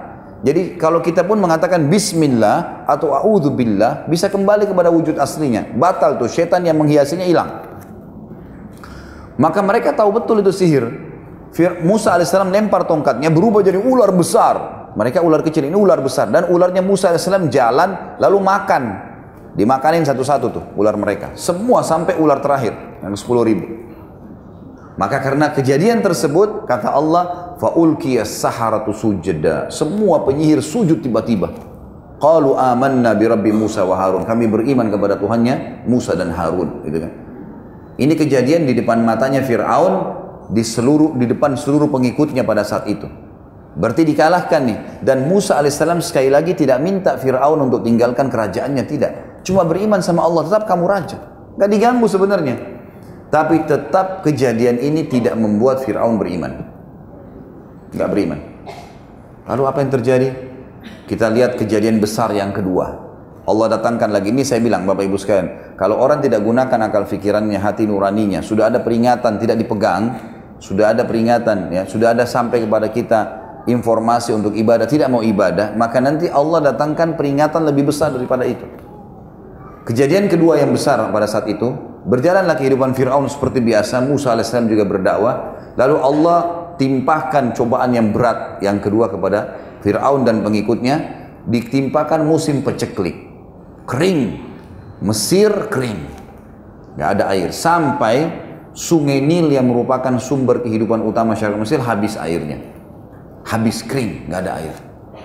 Fir'aun berusaha secara manusiawi, gitu kan, mendatangkan air, berikan tumbal. Ini sungai Nil ini sudah dilemparin sapi, lemparin kambing, lemparin anak gadis, tumbal, nggak kalah ada airnya. Lalu dia lakukan upaya yang terakhir sudah bertahun ini berjalan setahun atau dua tahun kata ulama berbeda pendapat setahun atau dua tahun terjadi musim peceklik yang panjang tidak ada lagi air Lalu Fir'aun melakukan upaya terakhirnya adalah membiayai prajurit-prajuritnya untuk pergi keluar Mesir. Di wilayah Afrika yang lain ada air. Datangkan air. Tapi karena kemarau panjang, habis air. Dengan hikmah Allah, prajurit-prajurit yang jumlahnya ratusan ribuan orang pergi ambil air itu, mereka kehausan tengah jalan, mereka minum air itu. Sehingga tidak ada air. Terakhir sekali, pengawalnya eh, Fir'aun mengatakan, nih ya Fir'aun, air tinggal ini segelas ini. Nggak ada lagi. Ini habis anda minum, nggak ada lagi air, sudah habis. Sudah tidak ada lagi upaya semua sudah dilakukan. Tidak ada yang ditinggalkan, semua uang sudah dikeluarkan, tenaga sudah dikirimkan, tumbal-tumbal, kembang tujuh warna sudah dilempar, segala macam. Nggak ada manfaatnya. Fir'aun bilang, ini lucunya Tuhan bermusyawarah. Apa saran kalian? Mereka semua diam, tidak ada lagi. Apa yang mau dilakukan? Semua sudah dilakukan upaya maksimal dan begini caranya Allah mengingatkan sebenarnya. Gitu kan. Terakhir ada satu orang penasihatnya bilang, begini Fir'aun, ada satu yang belum anda lakukan, tinggal satu ini, nggak ada lagi sudah. Fir'aun dengan semangat, apa itu? Anda belum minta kepada Tuhannya Musa. Tinggal itu tuh yang belum. Yang lain semua sudah kita usahakan. Maka dengan semangat dia mengatakan, baiklah, panggil Musa. Dengan hikmah Allah, Musa alaihissalam dengan orang-orang beriman ini tinggal di satu lokasi, gitu kan? Di wilayah Mesir juga di pinggiran Mesir ada sumur airnya banyak. Jadi orang beriman subur saja nggak ada masalah dan Fir'aun tidak tahu kalau ada sumur di situ. Musa alaihissalam hidup makmur, nggak ada masalah. Datang Musa alaihissalam ke istana. Fir'aun tidak mau tunjukin ya kelemahannya. Lalu dia bilang, wahai Musa, kau mengaku punya Tuhan yang bisa mampu mengerjakan apa saja. Bukan begitu? Kata Musa, iya benar. Baik, sekarang kau tahu Mesir lagi ditimpa peceklik, panas. Sungai Nil pun habis airnya. Ini masyarakat kehabisan air. Kalau Tuhanmu bisa turunkan hujan dari langit, maka saya akan beriman. Musa alaihissalam senyum berkata, wahai Fir'aun, betul yang kau ucapkan ini? Kalau Allah Tuhanku diulangi begini, Tuhanku dan Tuhanmu Allah menurunkan air dari langit dan hilang di masalah di Mesir, kau akan beriman? Kata Fir'aun, kalau Tuhanmu turunkan hujan dari langit yang saya tidak bisa lakukan, tentu saja. Gitu kan? Dan ini jadi saksi semua nih. Orang-orang dayang-dayangnya, Perdana Menterinya, semua jadi saksi semua.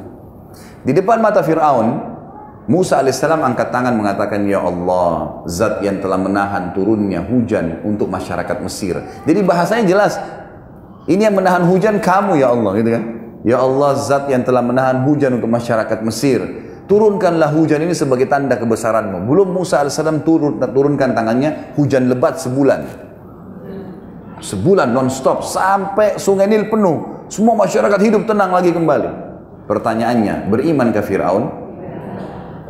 Fir'aun mengucapkan kalimat kufur Bapak Ibu sekalian. Hati-hati dengan kalimat begini.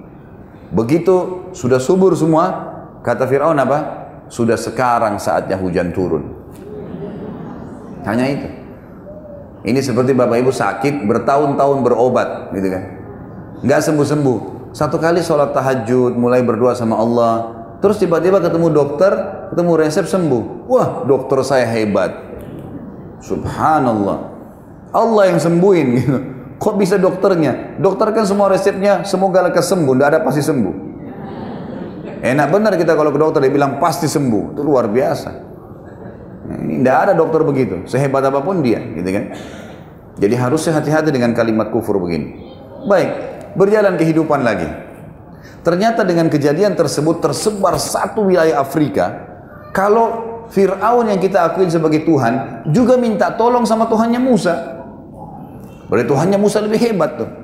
Banyak orang beriman kepada Musa alaihissalam, beriman kepada Allah. Fir'aun melihat komunitasnya dia makin kecil. Tinggal yang di sekitar kerajaan. Yang lainnya ini kena tampiasan dakwanya Musa alaihissalam.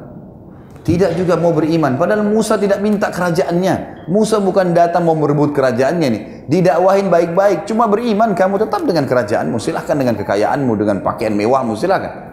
Tapi hukum Allah berlaku.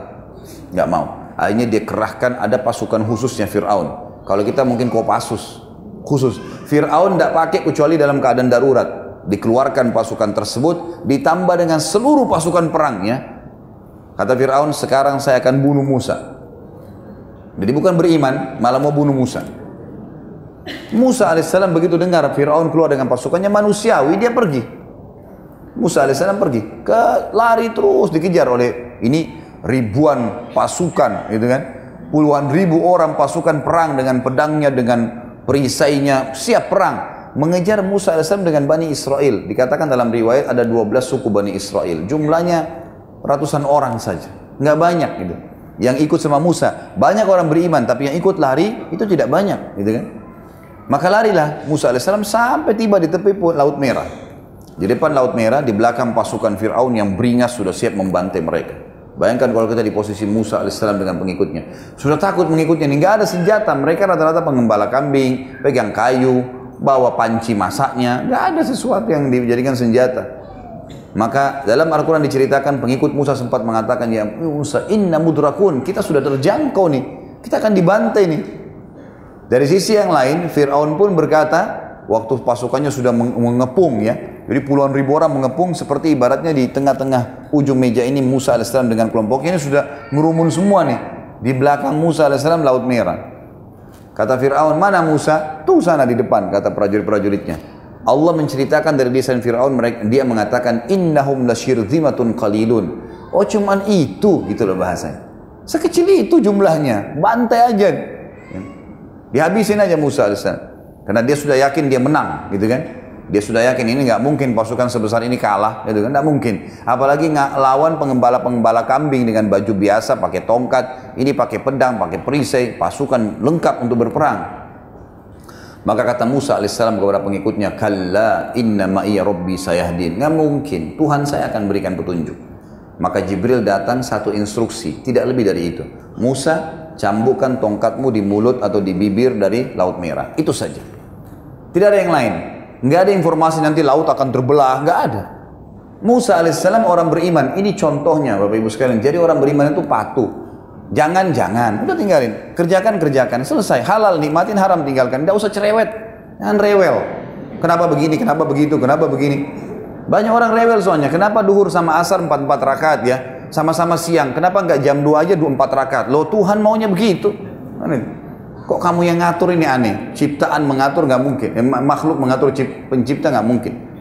Maka terjadi seperti Musa alaihissalam dan para nabi-nabi memberikan pelajaran kepada kita. Ibrahim tadi disuruh berdiri, berdiri saja, nggak buat apa-apa. Lakukan.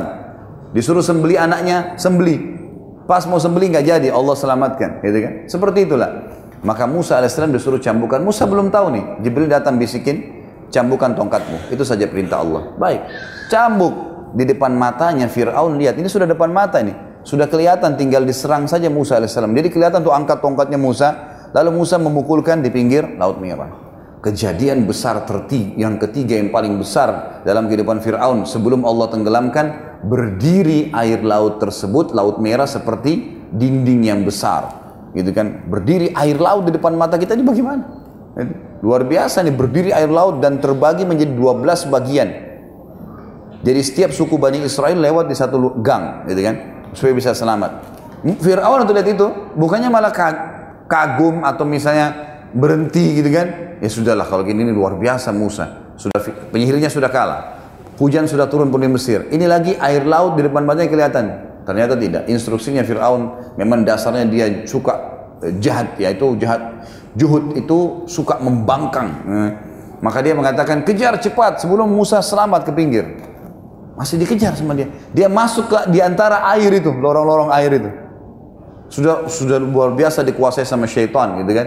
Akhirnya Allah selamatkan Musa dengan pengikutnya lalu tenggelamkanlah Fir'aun dengan pasukannya. Semuanya tenggelam. Lalu Allah ceritakan kepada kita dalam Al-Quran tentang apa yang Fir'aun ucapkan. Waktu sudah mulai tenggelam, baru dia bilang, Amantu billadhi amana bihi banu Israel. Ya, saya beriman kepada apa yang diimani oleh Bani Israel. Kata para ulama, dia nggak bisa lagi ucapin Allah. Karena sudah bangkangnya. Saya mau beriman, gitu kan? Kata Allah, al-ana, sekarang, wakat kunta minal mubsirin, sebelumnya kau menjadi perusak di muka bumi, gitu kan? Gimana caranya? Hari ini kami akan selamatkan badanmu sebagai tanda-tanda kebesaran untuk orang-orang yang datang setelahmu. Sampai sekarang di museum di Kairo bisa dilihat muminya Fir'aun. Masih ada. Jelas ada fisiknya, inilah orang yang membangkang kepada Allah. Seperti itu. Maka habislah kehidupan Fir'aun yang penuh dengan kerajaan, kekayaan, kelebihan fisik, pasukan yang kuat. Hanya karena kufur kepada Allah. Kalau Bapak Ibu mau baca kisah tentang Ibrahim alaihissalam tadi ada dalam surah Al-Baqarah urutan 2 ayat 258. Itu kisah Namrud. Kalau kisah Ibrahim eh, kisah Musa alaihissalam ada dalam surah Yunus. Surah nomor 10 ayat 90 sampai 92. Tapi kalau mau lebih lengkap kisahnya surah Yunus ayat 75 sampai 92. Surah Yunus surah nomor 10 ayat 75 sampai 92. Ini kisah Firaun. Tadi yang panjang lebar saya ceritakan itu disebutkan dalam kisah tadi. Dan juga perlu kita ketahui bahwasanya Firaun ini disebutkan dalam Al-Qur'an namanya itu 74 kali. 74 kali karena pentingnya untuk diambil pelajaran dari kisah orang yang durhaka ini. Berakhirlah kisah dua raja. 75 sampai 92. Ya. Baik. Kita pindah sekarang ke contoh yang kedua, ilmuwan yang dianggap hebat oleh para manusia. Saya angkat satu kisah atau satu cerita tentang ilmuwan yang sebenarnya menolak Tuhan Allah, tapi dia sendiri dituhankan oleh pengikutnya. Darwin, ya, yang sangat terkenal dengan teorinya. Teori-teori yang dia karang-karang, di antaranya manusia dari kerah. Semua itu teori yang dibuat oleh Darwin, tujuannya adalah supaya menolak ada Tuhan namanya Allah. Nggak ada yang lain. Tujuannya cuma itu. Dia bilang, ada komposisi-komposisi di alam semesta ini seperti misalnya api, air, tanah, udara. Ini nggak ada asalnya. Yang lain punya asal. Jadi kalau misal dia bilang hewan-hewan yang terbang di udara itu, burung-burungan dan segala berasal dari hewan darat. Dicarilah sama dia hewan darat yang kira-kira bisa digambar, diilustrasi sama dia, digambar. Cari yang sering digambar di buku itu kadal-kadalan. Kadal Nanti tiba-tiba dikasih proses tanda panah bagaimana bisa muncul sayapnya sampai jadi burung terbang. Hewan darat ini yang tadi jadi burung itu kadang-kadang asalnya dari hewan lautan. Dicarilah ikan yang kira-kira mirip lalu ikan itu digambar sama dia cuma lukisan saja. Kemudian ikan itu bergerak-bergerak bagaimana berubah menjadi kadal, sisiknya semua tercabut kemudian jadi itulah otak akal-akalan dia. Kalau ditanya oleh muridnya, lalu hewan air dari mana? Nah, dia bilang dari tanah di air, nggak ada asalnya kalau tanah. Begitu saja. Anehnya banyak yang ngakuin ini, banyak yang ikutin. Pernah terjadi di Amerika Bapak Ibu sekalian kisah nyata, ribut antara kubu Darwin dengan orang-orang Nasrani, bukan Muslim, orang Nasrani tapi ngaku ada Tuhan Allah, gitu kan. Sampai akhirnya hampir berperang nih dua kubu masuk di pengadilan. Hakimnya bilang, bingung ini. Ini mau pecahin bagaimana? Yang di, yang diperebutkan bukan materi, bukan benda, tapi ini keyakinan. Bagaimana caranya? Maka tiba-tiba hakimnya membuka pembicaraan dan itu menghebohkan Amerika pada saat itu. Karena sidangnya selesai. Dengan pembicaraan satu ini sidangnya berhenti. Tutup, nggak jadi lagi. Dan tidak jadi ribut akhirnya. Dan orang-orang yang mendukung Darwin pun itu jadi bingung berhenti dengan teori-teori mereka. Karena kata hakimnya, begini saja. Yang mengaku turunan kera ke sebelah kanan saya. Maaf bapak-bapak ya. Itu cuma contoh pada saat itu. Jadi kata hakim yang mengaku turunan kera ke sebelah kanan saya anehnya pendukung turunan ini tidak ada yang mau ke sebelah kanan hakim. Mereka kan dukung manusia dari kera, tapi nggak mau dibilang dari kera. Kalau orang beriman sudah tahu dari Adam, Adam dari tanah. Selesai Al-Baqarah jelasin panjang lebar tuh. Dari dua lah Adam dari tulang rusuk diciptakan Hawa lalu dari dua ini berkembang biak. Surah An-Nisa ayat 1 menjelaskan masalah itu. Panjang lebar gitu kan. Udah jelas semua. Orang beriman sudah tahu dari mana asalnya. Tapi mereka begitu. Baik. Darwin ini, Bapak Ibu sekalian, punya satu kisah sederhana sekali. Ini diangkat oleh Harun Yahya, ilmuwan muslim dari Turki yang saya tidak tahu sebenarnya secara pribadi beliau bagaimana ya, tapi saya tahunya ada cuplikan di bukunya yang menurut saya saya jadikan sebagai uh, pendapat yang bisa dipegangi khusus masalah poin ini saja ya. Jadi kalau ada pendapat Harun Yahya yang salah yang lain saya tidak tahu. Tapi ini menurut saya tepat dia mengatakan waktu dia membantah teori-teori Darwin dan sekarang cukup banyak DVD-nya yang diterjemahkan bahasa Indonesia yang membantah teori Darwin ini kan. Dia bilang Darwin menulis dalam bukunya bahwasanya pernah ceritanya Darwin dia pernah jalan menuju ke kelasnya. Mau ngajar lah istilahnya. Kan dia guru ya. dianggap orang yang cerdas. Di tengah jalan dia dihadang oleh burung merak. Burung merak ini nggak nyerang nggak apa. Cuma menghadang di depannya Darwin kemudian kepakin ekornya sama sayapnya. Keluarlah warna-warni yang sudah kita tahu di burung merak. Darwin ini punya tradisi Bapak Ibu sekalian kalau dia lihat begini, dia mesti cari tahu secepat mungkin dari mana asalnya supaya murid-muridnya sebelum bertanya sudah dijelaskan. Dia mau ingin menutup semua pintu-pintu pertanyaan gitu kan. Begitu dia lihat, dia bilang sampai dia meninggal di bukunya tertulis kalimat itu. Dia mengatakan, saya terus muak kalau saya mengingat burung merak yang menghadang saya karena saya tidak tahu dari mana asalnya. Dia bingung dari mana asalnya. Dia mau bilang ini jenis burung-burungan, tidak bisa terbang. Mau dibilang hewan darat, tapi bersayap. Gitu kan. Mau dicari yang mirip ikan, tidak ada yang mirip seperti itu. Gimana caranya? Dia meninggal Bapak Ibu sekalian orang yang dianggap cerdas oleh para pengikutnya, bahkan pengikutnya cukup banyak di dunia ini, meninggal dalam kondisi tidak tahu burung merak dari mana asalnya. Coba dangkalnya itu loh. Kita burung merak kah, buaya kah, gajah kah, apa saja Allah yang ciptain. Selesai, simpul. Sederhana sekali. Kelihatan tidak kelihatan Allah yang ciptakan kembali kepada dia semua. Dia yang mengurusnya, dia memiliki, dia mengawasi. Aman. Dan la ilaha illallah, tidak ada Tuhan selain dia. Cuma satu Tuhan yang kita wajib patuhi. Darwin yang dianggap pintar, meninggal tidak tahu burung merak dari mana asalnya. Konyol sekali kan? Habis cerita Darwin. Ini cuma saya datangkan sampelnya saja. Baik, yang ketiga, filosof. Orang yang dianggap cerdas. Ada satu filosof dari negara Arab, Bapak Ibu sekalian, namanya Ihya Abul Maldi. Ihya Abul Maldi ini orangnya terkenal cerdas sekali dan dia pintar menyusun kata-kata syair, syair-syair bahasa Arab. Tapi dia filosof. Ya, salah satu pemikir-pemikir yang menolak Tuhan. Filosof itu menolak Tuhan. tidak ada Allah. Karena Allah tidak kelihatan. Dia susun ratusan bahkan ribuan syair selama dia hidup membantah Tuhan. Mana yang kalian katakan Tuhan itu? Perlihatkan kepada saya. Saya cuma mau yakin kalau yang saya bisa tahu, saya bisa lihat, saya bisa begini dan seterusnya. Datangkan ayat tidak dipercaya, hadis tidak percaya, dia memang tidak percaya. Saya mau saya pegang Tuhan itu, salaman. Nggak mungkin. Terus dia membantah Tuhan. Bukan tidak ada yang bisa bantah ya, tapi dia dengan ketekaannya, dia dengan keras kepalanya, dia nggak mau. Subhanallah sebelum dia meninggal, dia menyusun 20 bait syair yang membantah ribuan syairnya sendiri tuh. Pas dia mau meninggal, murid-muridnya dekat sama dia, lalu dia bilang dalam bahasa syair karena dia ahli syair, dia bilang dia bilang gini, bahasa Arabnya kurang lebih jitu wala adri min aina jitu. Dia bilang saya lahir di muka bumi ini, dia bilang sama murid-muridnya, tapi saya terus bertanya-tanya dari mana asal saya. Kalau dari ibu saya, ibu saya dari siapa? Ibunya lagi, ibunya dari siapa? Ibunya lagi. Mana awalnya nih? Dia sendiri nggak tahu, gitu kan? Lalu kemudian dia bilang kalimat yang keduanya dan ini yang paling disoroti oleh para ulama akidah. Dia bilang, "Fawajadtu amami tariq, masyaitu dzalika syi'tu am abaitu." Kurang lebih artinya, lalu saya waktu lahir di muka bumi ini saya dapat sebuah sistem.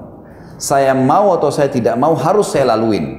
Misal pergantian siang malam, gitu kan? fungsi-fungsi anggota tubuh mata melihat, telinga mendengar, hidung menghirup, lidah mengecap, bibir mengucap, tangan menjama, kaki, melangkah, semua ada fungsinya dan tidak bisa diganti. Nggak ada orang bisa makan dengan kupingnya, nggak bisa orang eh, mendengar dengan telinganya, semua ada fungsinya. Ada sistem, mau tidak mau harus dia laluin, gitu kan? Anak manusia dari bayi, lahir dari rahim seorang ibu, bayi, anak-anak, remaja, tua, mati, sekuat apa pun dia. Semua ini dia bilang sistem yang luar biasa, saya mau atau tidak mau harus saya lalui. Lalu dia mengatakan, lastu adri, lastu adri. Saya benar-benar bingung, saya benar-benar bingung. Atawilun, atawilun hayati am qasir. Apakah hidup saya ini masih panjang atau saya juga akan mati? Adakah yang bisa menjawab itu?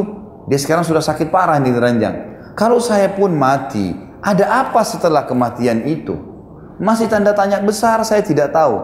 Lalu dia bilang, saya terjemahkan, dia mengatakan langsung, kalau saya berbuat baik selama saya di dunia, selama saya hidup, saya masih kuat.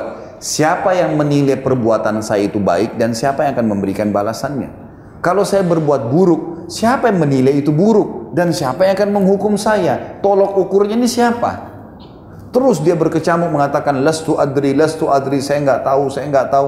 Terakhir sebelum dia hembuskan nafas terakhir dia mengucapkan kalimat penutupnya dia mengatakan amli hadza lugzun haldun amla. Ada enggak yang punya jawaban atas teka-teki ini? Kemudian dia menghembuskan nafas terakhir meninggal.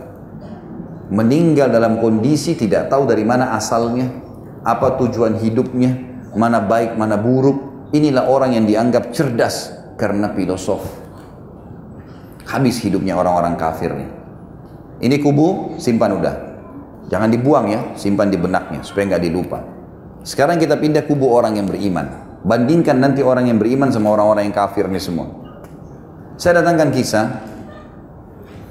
Kisah seseorang yang bernama Abdullah. Abdullah ini seorang ulama tabi'in. Dia tinggal di padang pasir Bapak Ibu sekalian. Padang pasir di kemah. Abdullah ini lagi makan siang.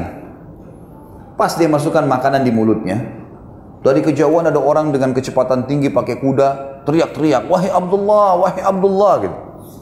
Debu-debu berterbangan, dia turun dari kudanya. Kemudian dia buru-buru membuka pintu kemahnya Abdullah ini. Abdullah pun dengan sangat tenang. Lalu dia mengatakan, wahai Abdullah, ada berita penting. Anakmu baru saja dibunuh oleh orang. Jadi Abdullah dapat informasi dua ini. Anaknya mati plus dibunuh orang. Nah, itu.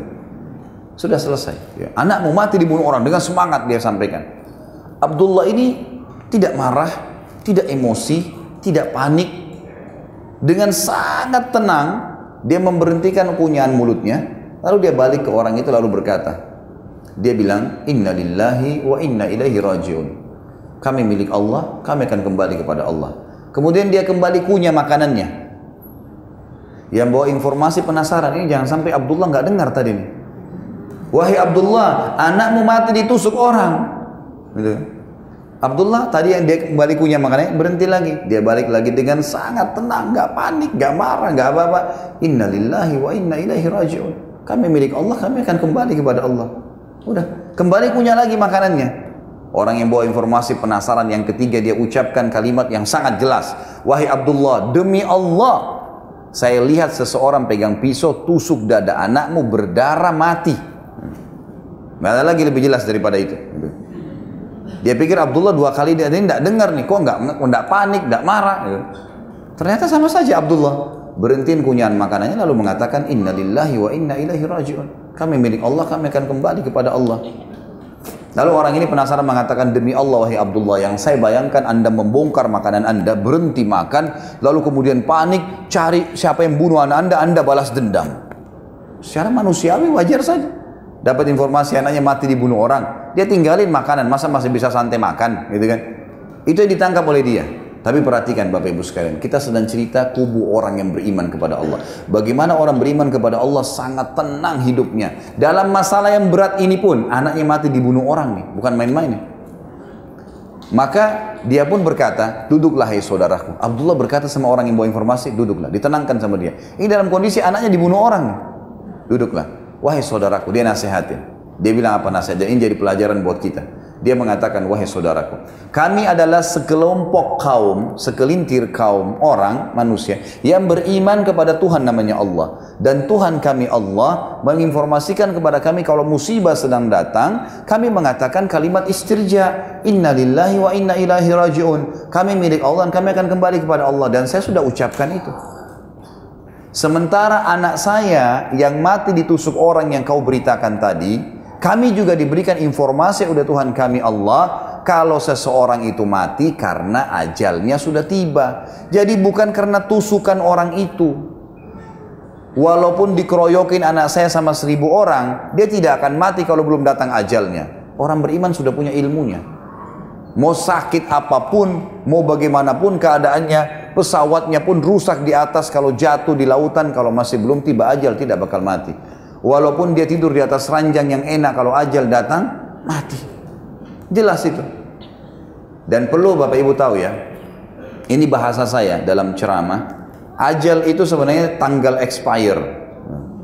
Jadi bukan cuma makanan kaleng ada tanggal expire, kita juga punya tanggal expire-nya. Maka Abdullah ini ya apa contohnya adalah pernah ada sahabat pembantunya pecahin piring lalu dia marah Sampai di telinga Nabi SAW lalu Nabi panggil dia dan berkata, jangan kenapa kau marah sama pembantu? Dia bilang ya Rasulullah dia pecahin piring. Kata Nabi SAW, jangan kau marah dengan pembantumu karena piring yang dipecahkan olehnya punya ajal, batas waktu sebagaimana kau punya ajal. Kalau bukan pecah di tangannya akan pecah di tanganmu. Jadi kalau ibu-ibu punya pembantu di rumah pecahin piring, itu walaupun itu kebetulan dia yang pegang. Kalau kita yang pegang juga akan pecah pada waktu yang sama. Dengan hikmah Allah. Tergelincir, jatuh, salah taruh lah dan seterusnya. Udah ajal nih. Lagi jalan, ban motornya pecah. Sudah ajal ban. Beli baju setrika hangus. Sudah ajalnya baju itu. Tidak usah marah-marah. Karena biar marah-marah nggak bisa kembali. Nah, gitu. Kalimat istirja, inna lillahi wa inna ilahi rajiun. Dan di dalam Islam Bapak Ibu sekalian, mati itu cuma satu ada orang ditabrak kereta api kepalanya hancur. Ada orang naik pesawat meledak terbakar tidak ditemukan badannya. Ada orang tenggelam di lautan dimakan ikan habis semua badannya. Ada orang mati di atas ranjang di bawah AC ranjang mewah. Kira-kira mana mati yang enak? Hah? Gak ada. Gak mau mati di atas ranjang. Pakai AC, pakai selimut, bed cover yang baru dibeli. Hah? Daripada mati ditabrak kereta api.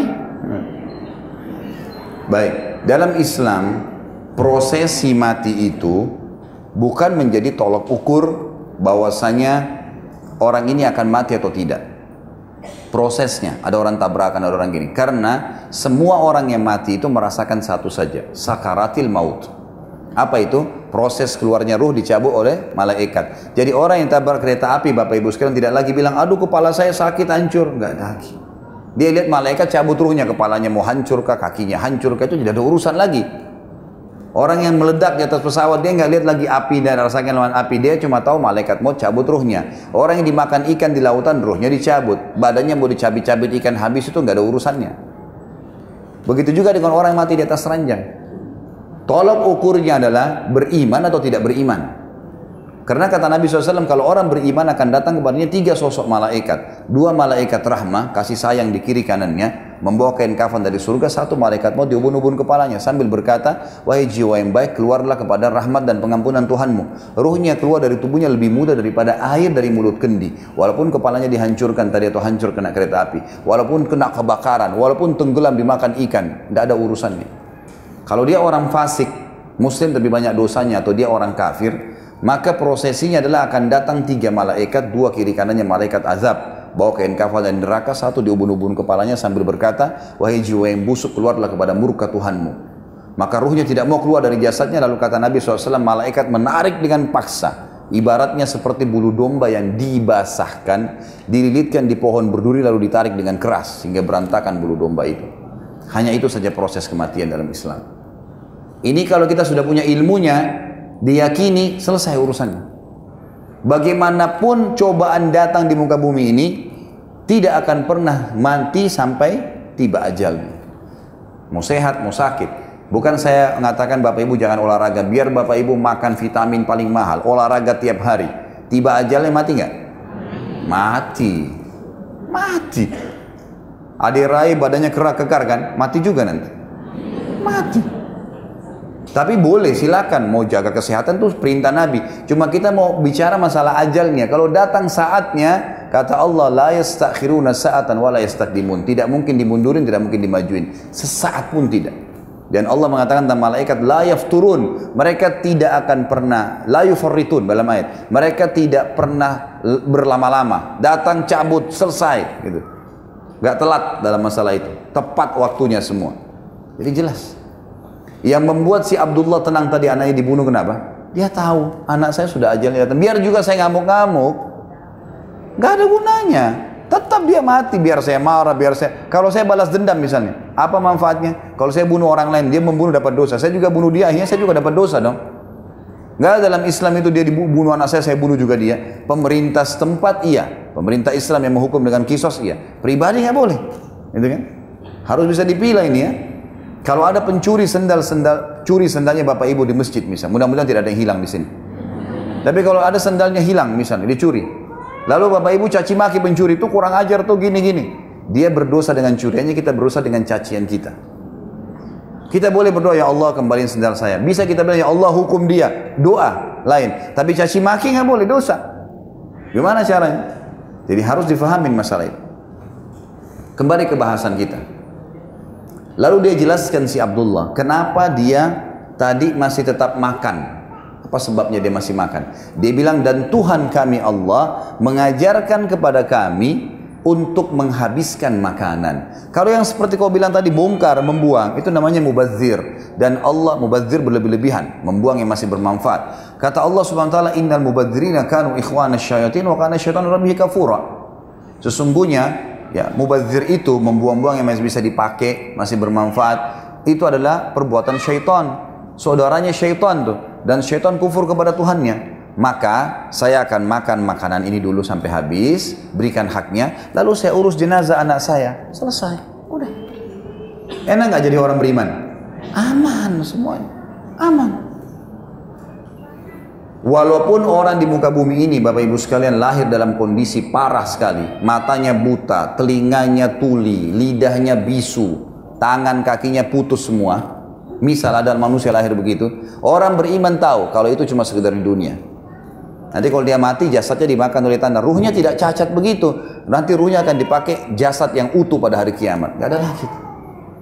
Orang kalau masuk ke dalam surga penyampaian Nabi sudah jelas. Jadi dari sebelum kita diciptakan manusia dari awal mana sampai akhir kehidupan kita surga dan neraka sudah dipaparin panjang lebar bagi orang beriman. Tidak ada yang tersembunyi. Semua tahu dari panduan hidupnya dia harus bermuamalah sama orang tuanya bagaimana. Ini ibu ayahmu bakti, ini anakmu didik, ini istrimu, ini suamimu, ini mertuamu, ini orang tuamu, ini tetangga bermuamalah bagaimana. Juga orang sakit, ziarah orang yang sedang ya keluarga, silaturahim keluarga, membantu orang yang susah dan dan dan sudah dipandu sampai pahalanya ini, pahalanya ini kalau begitu zina, zina, dusta, riba, ini hukumannya sudah dipaparin. Mau lama dari situ bertaubat sebelum meninggal, dipaparin semua. Mati nanti bagaimana? Proses malaikat cabut ruh masuk alam barzah di kuburan, panjang lebar diceritain. Di akhirat nanti ada mahsyar, dihisap timbangan amal, proses manusia dibangkitkan, ada orang yang selamat, ada orang yang sesat diterima buku-buku amal. Hari kiamat surga, surga 1, 2, 3, 4, 5 panjang lebar jelasin. Seperti surga di depan mata kita kalau kita baca. Lengkap istananya, pakaiannya, makanannya, pohonnya, tamannya, lengkap. Dan neraka, neraka dengan jenis-jenis siksaannya wah, luar biasa dahsyatnya, gitu kan? Sampai panjang lebar, sudah seperti kita lihat siksaan itu. Semua sudah jelas bagi orang yang beriman. Gak ada sesuatu yang tersembunyi bagi dia. Dan juga Nabi SAW mengatakan nanti buktinya dunia ini akan kita lalui dan cobaannya akan berlalu. Kata Nabi SAW semua penghuni surga akan berumur 33 tahun. Kalau meninggal seseorang 100 tahun kembali ke 33. Bayi yang meninggal 5 bulan itu ketemu 33. Semuanya sama. Enggak lebih sehari, enggak kurang sehari. Enggak ada tua, enggak ada anak-anak. Abadi selamanya. Sudah ada informasi jelas gitu kan. Kata Nabi SAW di surga, nggak ada lagi capek, nggak ada gangguan orang, nggak ada beringus, nggak ada meludah, nggak ada buang air besar, nggak ada buang air kecil. Makanan, minuman yang dimakan dan dikonsumsi oleh ahli surga yang tidak dibutuhkan oleh tubuhnya, dikeluarkan dalam bentuk keringat yang lebih wangi dari bau kasturi. Abadi. Jadi semua cobaan dunia ini kecil sekali. Sabar saja. Dan Allah dengan cobaan itu mengangkat derajat dia, mengampuni dosanya, memberikan pelajaran buat dia. Nggak usah banyak mengeluh. Flu sedikit satu kampung tahu kalau sakit. 365 hari nggak pernah sakit, satu tahun sehat, makan, minum, dingin, panas, nggak ada masalah. Pas tahun pertama, hari pertama tahun depan seminggu flu, satu kampung tahu kalau flu. 365 hari Allah kasih kesehatan kamu terus lupa itu. Satu minggu terus ngeluh semuanya. Subhanallah, manusia yang mengkufur. Wahai manusia, eh, sadarlah ini apa ini kufur kepada Allah, gitu kan? Baik, itu kisah orang yang beriman. Tentu ada kisah-kisah yang lain. Kalau saya ada waktu saya ceritakan nanti di akhir penutupan bahasan. Saya ingin pindah ke masalah pertanyaan yang tadi. Ya. Allah itu Tuhan kita. La ilaha illallah. Tidak ada Tuhan selain Allah. Saya ingin tahu Allah itu ada di mana Ustaz? Kenapa Allah tidak kelihatan? Dan bagaimana cara saya berhubungan sama Allah? Allah itu ada di langit. Allah itu ada di atas langit. Dan cukup banyak dalil yang menjelaskan masalah itu.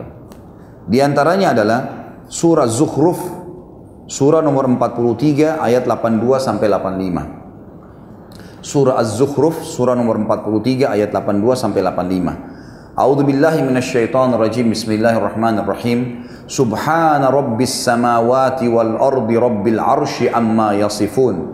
Maha suci Tuhan, pemilik, pencipta seluruh langit dan bumi Tuhan pemilik dan pencipta singgasana terhadap apa yang mereka sekutukan. Fadarhum yakhudu wa yal'abu hatta yulaku yawmuhum alladhi yu'adun.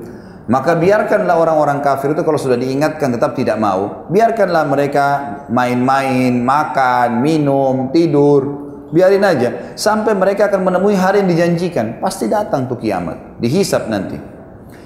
Wa huwa alladhi fis sama'i ilahu wa fil ardi ilah dan dialah Allah Tuhan yang ada di atas langit dan juga dia Tuhan yang dipatuhi di bumi. Wahwal hakimul alim dan dia zat yang maha bijaksana dan maha mengetahui segala sesuatu.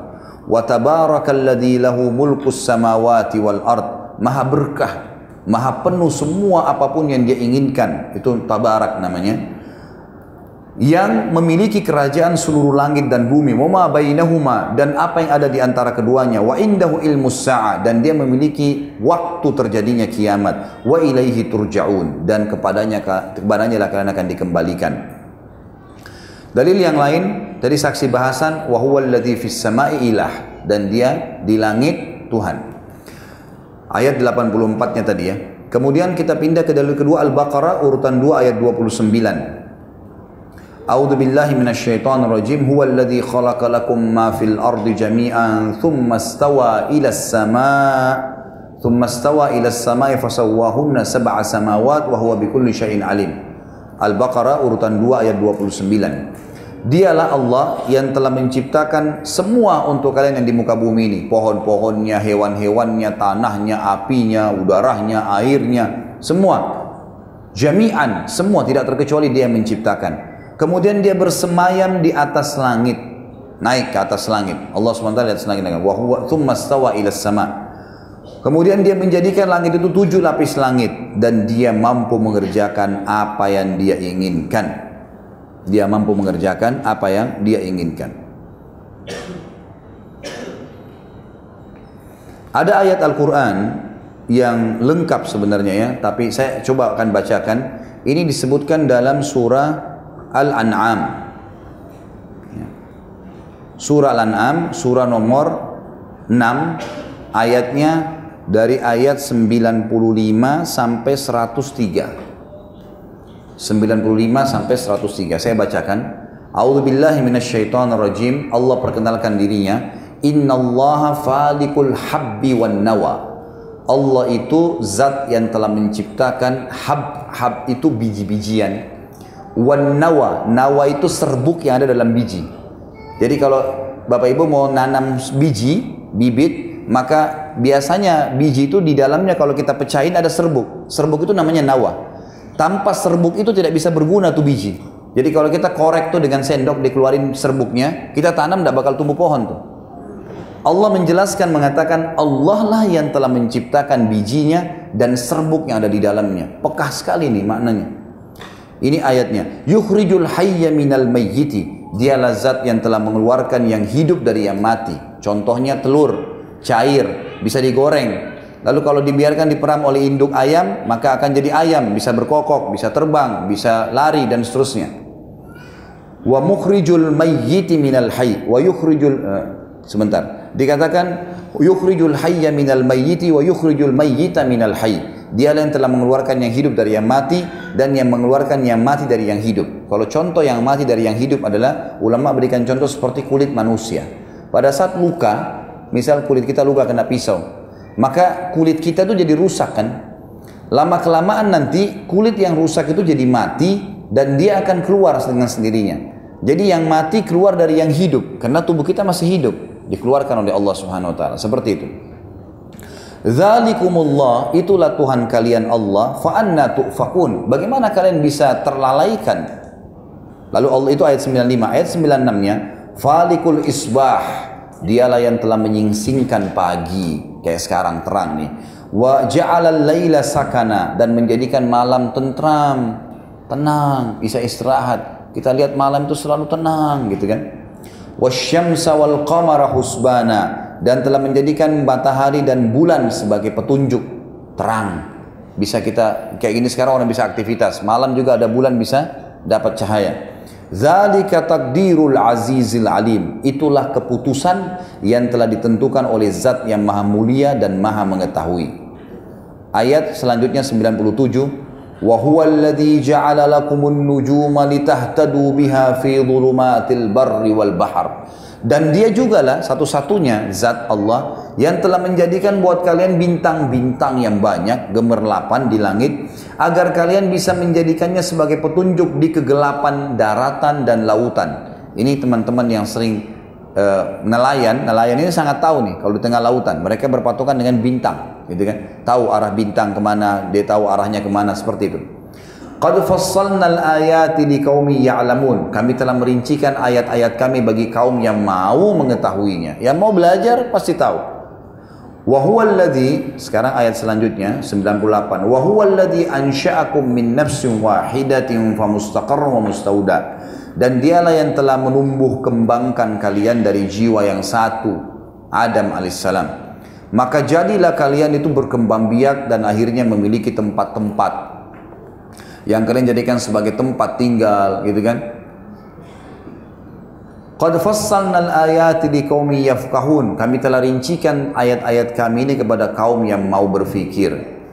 Wa huwa alladhi anzala minas samaa'i ma'an fa akhrajna bihi jan eh, fa akhraj fa akhrajna bihi nabatin nabati kulli shay'in fa akhrajna minhu khadira nukhriju minhu habban mutarakiban wa minan nakhli min tal'iha min taliha kinwanun daniyatun wa jannatin min anabin wa zaituna wa rumana mushtabiha mushtabiha wa ghaira mutashabih unzuru ila thamarihi idha athmara wa yad'i inna fi dhalika la ayatin li liqaumi yu'minun.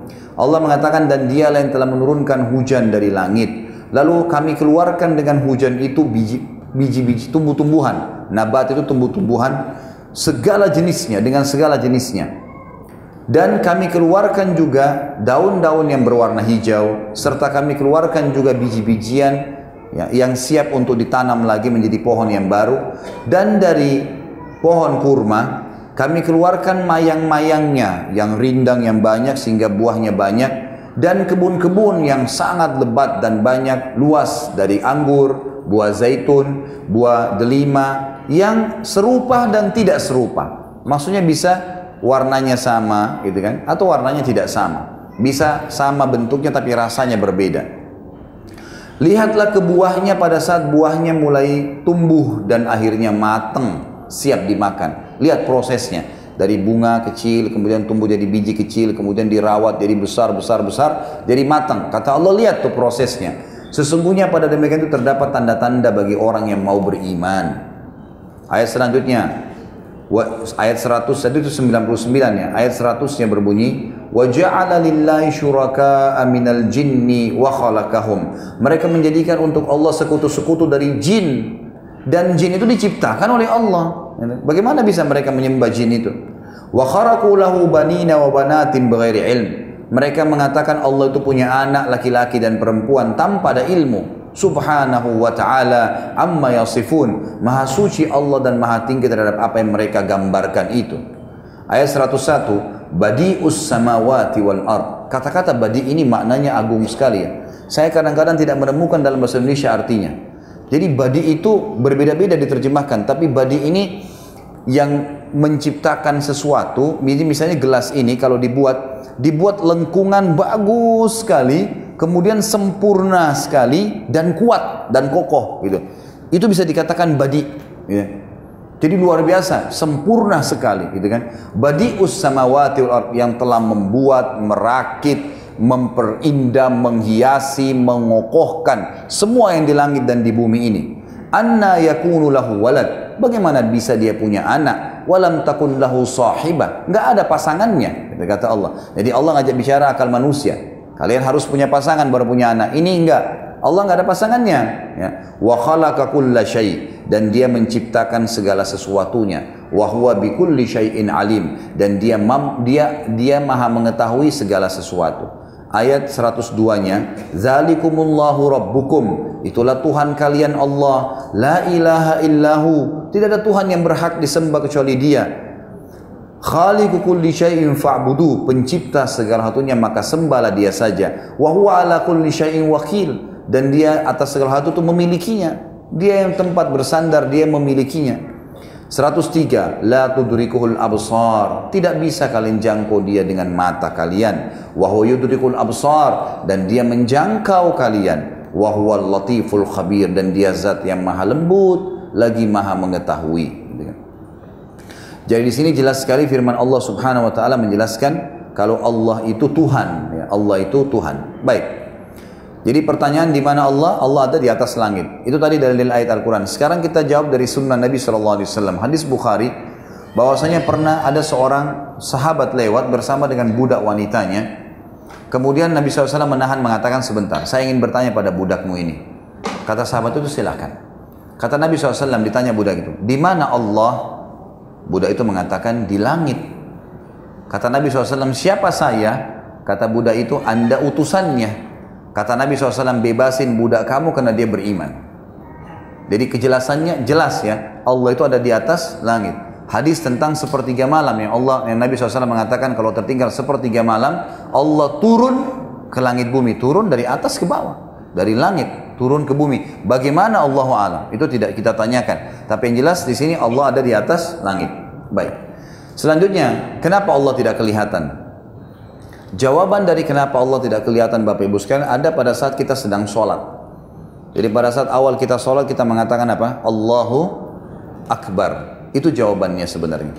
Akbar ini dalam bahasa Arab e, siga mubalaghah, sesuatu yang melampaui batas atau e, sesuatu yang besar dari yang lainnya. Misal gini, orang Arab kalau bilang besar itu kabir, besar ya.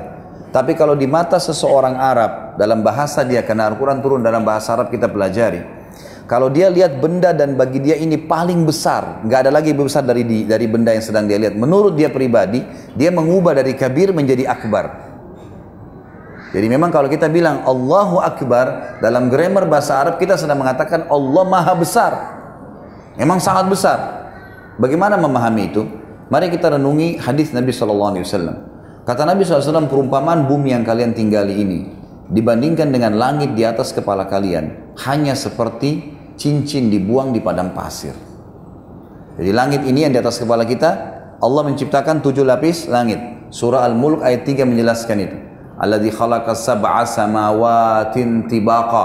Allah yang menciptakan tujuh lapis langit tibak, susun. Satu, dua, tiga, empat, lima, enam, tujuh. Bumi di bawahnya. Jadi kita ini di bawah, ini di atas kepala kita ada tujuh lapis langit nih. Dalam surah Naba Allah mengatakan sab'an shidada, tujuh lapis langit yang kokoh gitu kan. Seperti itu bahasanya. Baik, Nabi SAW merincikan mengatakan perumpamaan bumi yang kalian tinggali dibandingkan langit yang pertama, langit bumi namanya, gitu kan? Hanya seperti cincin dibuang di padang pasir. Makanya Bapak Ibu sekalian kita berada di mana pun di muka bumi ini, mau di Amerika, mau di Saudi, mau di Indonesia, tidak akan pernah kita temukan ujungnya langit. Ada yang pernah lihat ujungnya langit? Hah? Kalau ada sampein kita mau lihat juga. Nggak ada ujungnya langit. Kenapa? Karena memang bumi kita kecil sekali dibandingkan langit yang luas ini. Selalu sama saja gitu kan kita lihatnya. Dan ternyata ini terbukti secara ilmiah. Manusia sudah membuktikannya. Apa yang Nabi SAW sampaikan sudah terbukti. Jadi saya pernah sampaikan hadis ini dan satu dosen dari UI, kebetulan dia ilmu pengetahuan alam diajarkan, dan dia bilang sama saya, Ustadz ini ada dalam hadis, saya bilang iya ada. Kebetulan teman dekat saya. Lalu dia berkata, Ustaz sudah tahu belum di abad ke-17 Masehi, tahun 1700-1800 Masehi, para ilmuwan mengadakan penelitian di alam semesta dan mereka menemukan memang ada jumlah yang tidak terhitung lagi dari bintang-bintang, banyak sekali. Tapi yang mereka sorotin adalah yang paling berpengaruh pada bumi yaitu matahari. Karena matahari memberikan cahaya yang terang kepada bumi sehingga ada kehidupan, gitu kan? Lalu dia bilang, Ilmuwan pada saat itu menemukan mengatakan bahwasanya matahari itu lebih besar daripada bumi jutaan kali lipat dan jaraknya sekian sekian juta mil udah gitu kan dari bumi.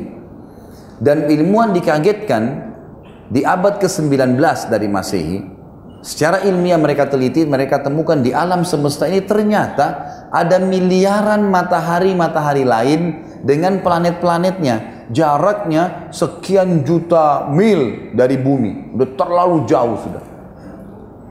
Jadi ini sudah luar biasa. Ternyata bukan cuma matahari kita nih. Ada matahari lain. Ini matahari cuma berpengaruh ke kita saja. Ada matahari lain dengan planet-planetnya semua. Ada apa sana kita nggak pernah tahu. Allah buat kehidupan apa sana tidak tahu sudah. Kita nggak pernah tahu. Terbatas sampai di situ. Wah Allah menciptakan yang lain di sana ya sudah jelas itu urusannya Allah. Makanya dalam surah Ar-Rahman Allah mengatakan waktu ditanya yas'aluhu man fis samawati wal ard kullu yawmin huwa fi sya'an. Waktu ditanya orang-orang Quraisy tanya Nabi SAW, Tuhanmu lagi buat apa sekarang Muhammad? Gitu kan? Maka kata Allah SWT, katakan kepada mereka, Tuhanku dan Tuhan kalian setiap hari punya kegiatan, setiap saat, yang kita tidak pernah tahu. Kalau kita diberikan 3-4 kegiatan saja sudah sibuk manusia, apalagi kegiatan banyak. Tapi Allah bisa mengurus semuanya. Ringkas cerita adalah bintang-bintang ini ternyata Bapak Ibu sekalian disepakati oleh para ilmuwan semuanya sepakat mengatakan berada di bawah langit. Walaupun ilmuwan itu ateis, mereka sendiri mengatakan bintang-bintang ini semua berada di bawah langit. Kelihatan depan mata kita di bawah langit memang, gitu kan. Dan mustahil ada manusia yang bisa pegang langit sama tangannya, nggak mungkin. Karena jaraknya sekian juta tahun. Saya punya pengalaman pribadi pernah baca buku anak saya kelas 2 SD, judulnya Ilmu Pengetahuan Alam.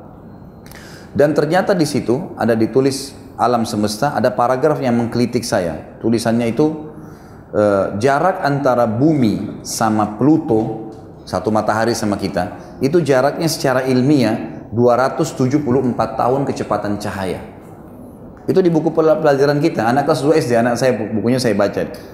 Jadi saya ngambil pegangan itu karena itu sudah diteliti secara ilmu ilmiah dan memang ditulis dalam buku-buku pelajaran 274 tahun kecepatan cahaya. Jadi saya kadang-kadang berkelakar di pengajian saya, saya bilang kalau kita kirim astronot masih bayi, bodoh nggak belum ngerti apa-apa bayi, ditaruh dikirim, umurnya 70 tahun mati tengah jalan. Belum sampai di sana, gitu kan. Jadi cuma bisa diteliti dari jauh, itu satu matahari sama kita. Sementara ini ada miliaran matahari, gitu kan. Dan saya sarankan Bapak Ibu kalau lagi umroh atau haji, di belakang Masjid Nabawi di sebelah kanan. Eh, kalau kita kalau saya bahasakan sebenarnya sebelah timurnya Masjid Nabawi ya itu ada pameran Asmaul Husna. Masuk ke sana, coba lihat deh. Tidak besar, laki-laki perempuan boleh masuk. Itu luar biasa, banyak sekali di situ diberikan gambaran Asmaul Husna, nama-namanya arti-artinya bahasa, bahasa Arab dan bahasa Inggris. Kalau ada yang tidak mengerti pun ada ada di situ uh, mahasiswa, ada petugasnya orang Indonesia. Kalau banyak di 10 orang biasanya dia sejelaskan. Ini maknanya, ini maknanya. Kalau saya biasa yang bimbing saya pandu. Ini maknanya, ini maknanya, ini maknanya gitu kan dan saya masukkan dalam rangkaian paket waktu di Madinah. Maka nanti di dalam sekali di ujung itu akan ada layar touchscreen besar, ada beberapa kita bisa lihat cuplikan-cuplikan durasi 2 menit, 3 menit bagaimana ciptaan-ciptaan Allah gunung-gunung, hewan-hewan, keajaiban yang luar biasa. Terus ada satu uh, apa namanya seperti spanduk besar ya itu ada ilustrasi matahari. Jadi dikasih gambaran situ matahari kecil, kemudian ada banyak yang mirip seperti matahari itu lebih besar sekian juta kali, sekian miliar kali. Terakhir itu ada satu planet saya lupa namanya paling besar, sama dengan matahari tapi besarnya 11 miliar kali. 11,7 miliar lebih besar daripada matahari. Dan itu sama dengan dahsyat, sama dengan sistemnya matahari yang panas itu. Matahari jadi kecil, jadi kayak titik. Dari situ ditulislah firman Allah taala tentang keajaiban penciptaan langit dan bumi disuruh kita berpikir. Dan terakhir, sebelum kita keluar ada semacam kayak studio, layar besar kayak bioskop gitu. Nanti kita dimasuk lalu dia putar durasi sekitar satu setengah menit.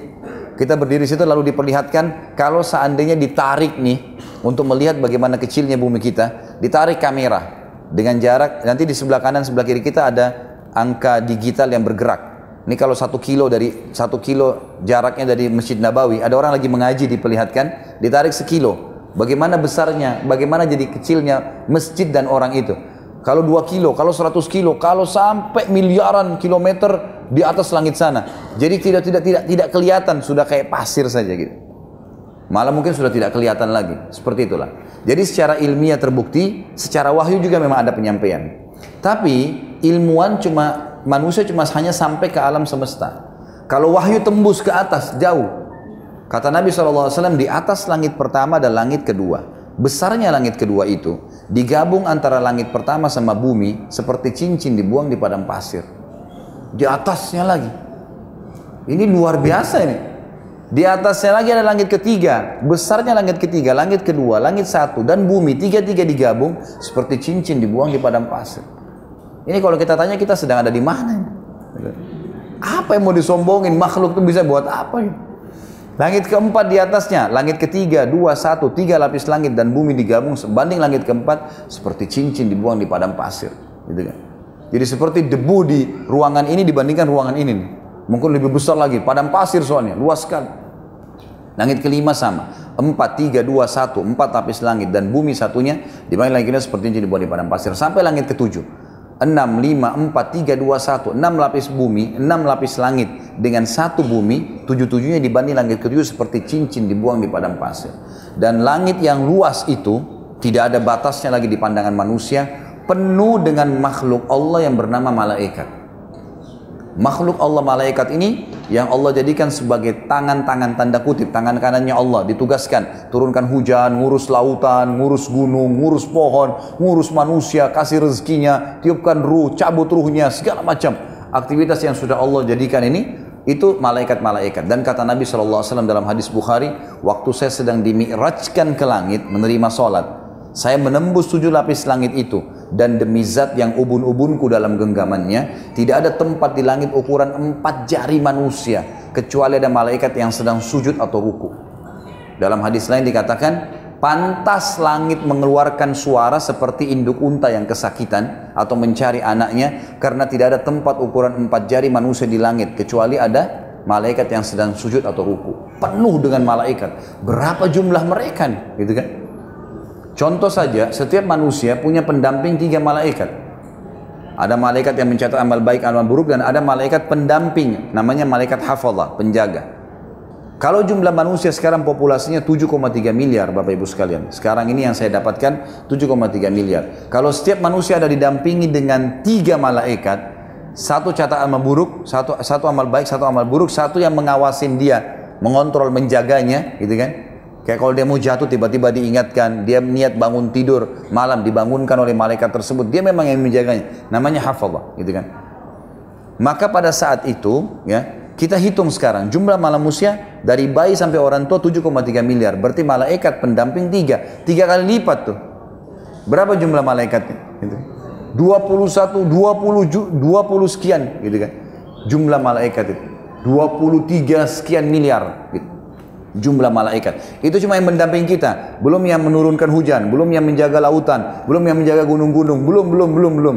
Bukankah Nabi SAW pada saat keluar dari kota Taif dan orang menolak dakwanya lalu kata Jibril, Hai Muhammad telah datang kepada saya malaikat yang ditugaskan jaga gunung-gunung. Tinggal kau perintahin aja nih, dihancurin semua nih gunung-gunung, hancur semua kota Taif dan Mekah.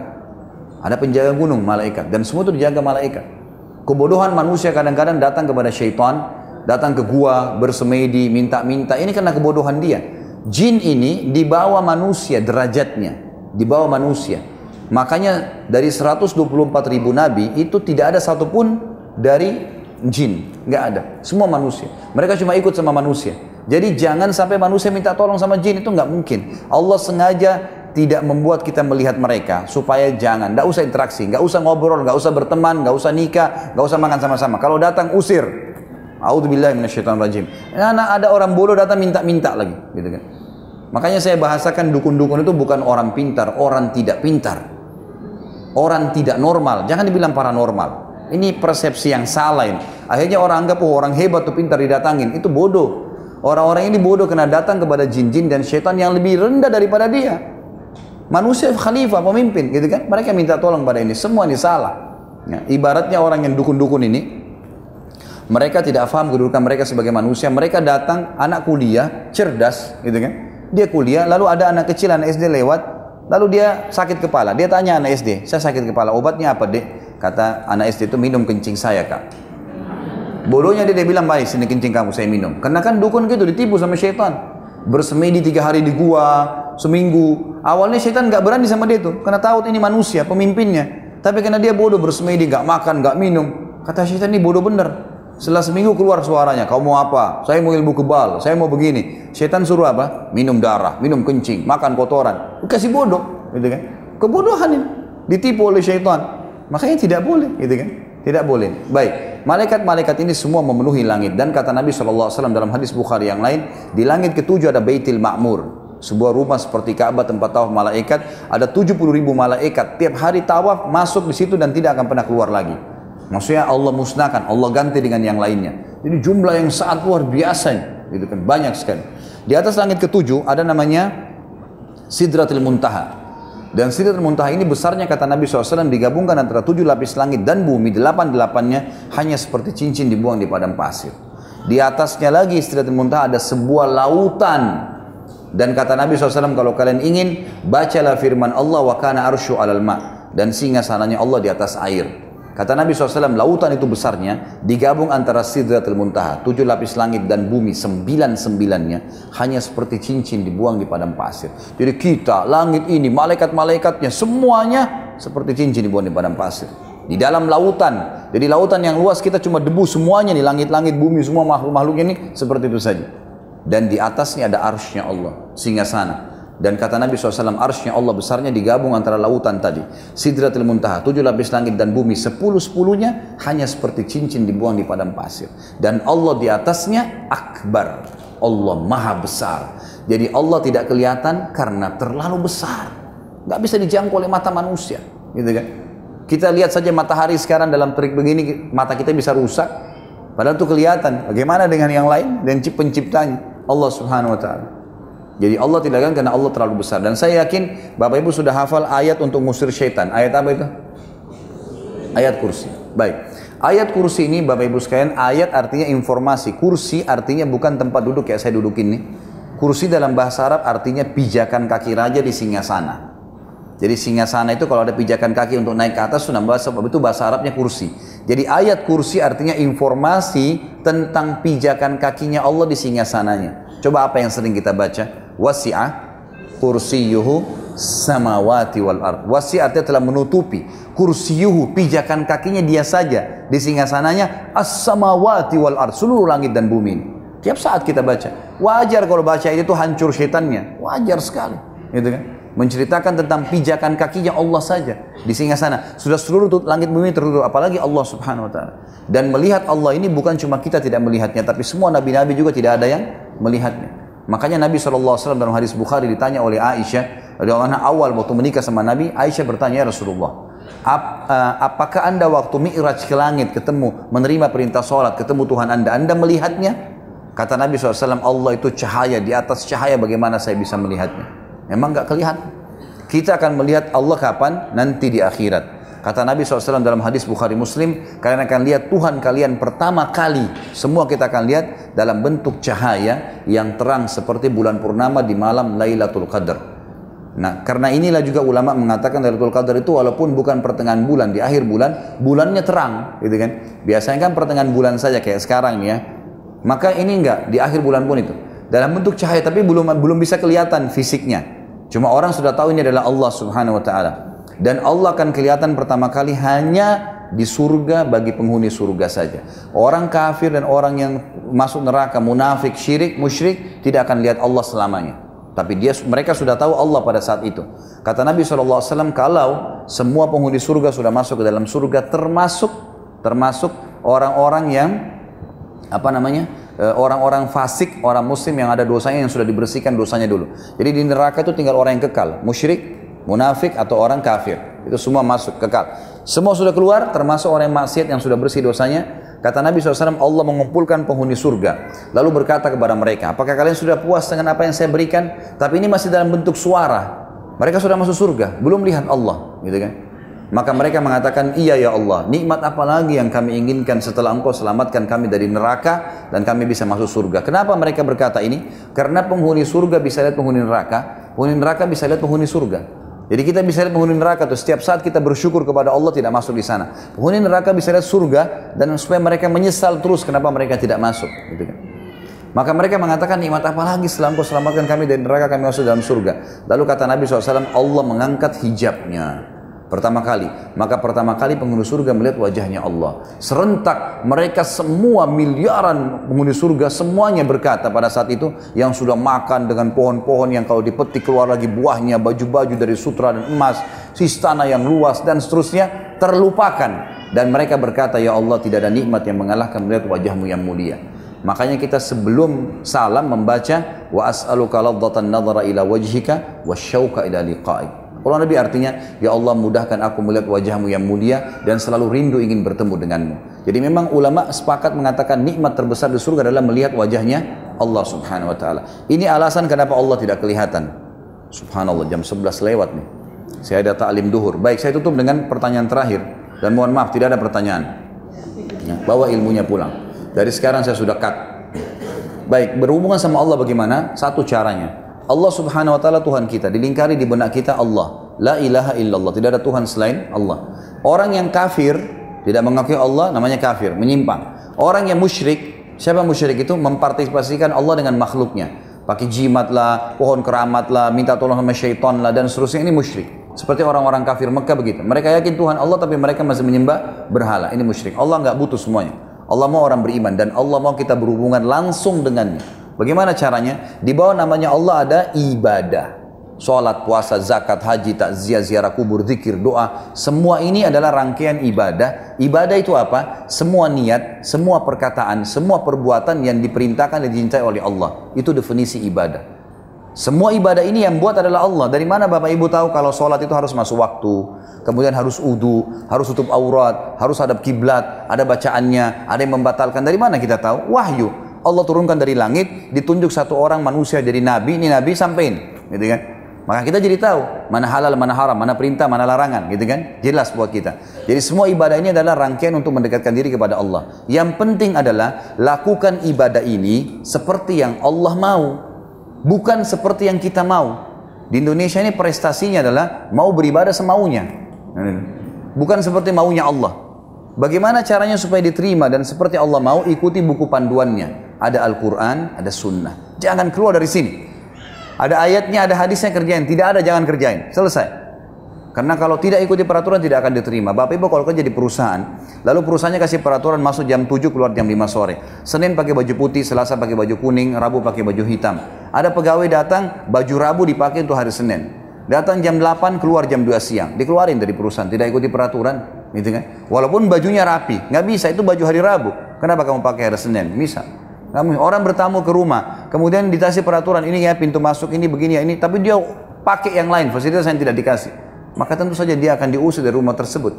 Begitulah kita hidup di buka di bumi ini, kita seperti tamunya Allah Subhanahu wa taala. Maka kita tinggal ikuti peraturan, dapat semuanya dan kita akan meninggalkan larangan, maka kita akan aman.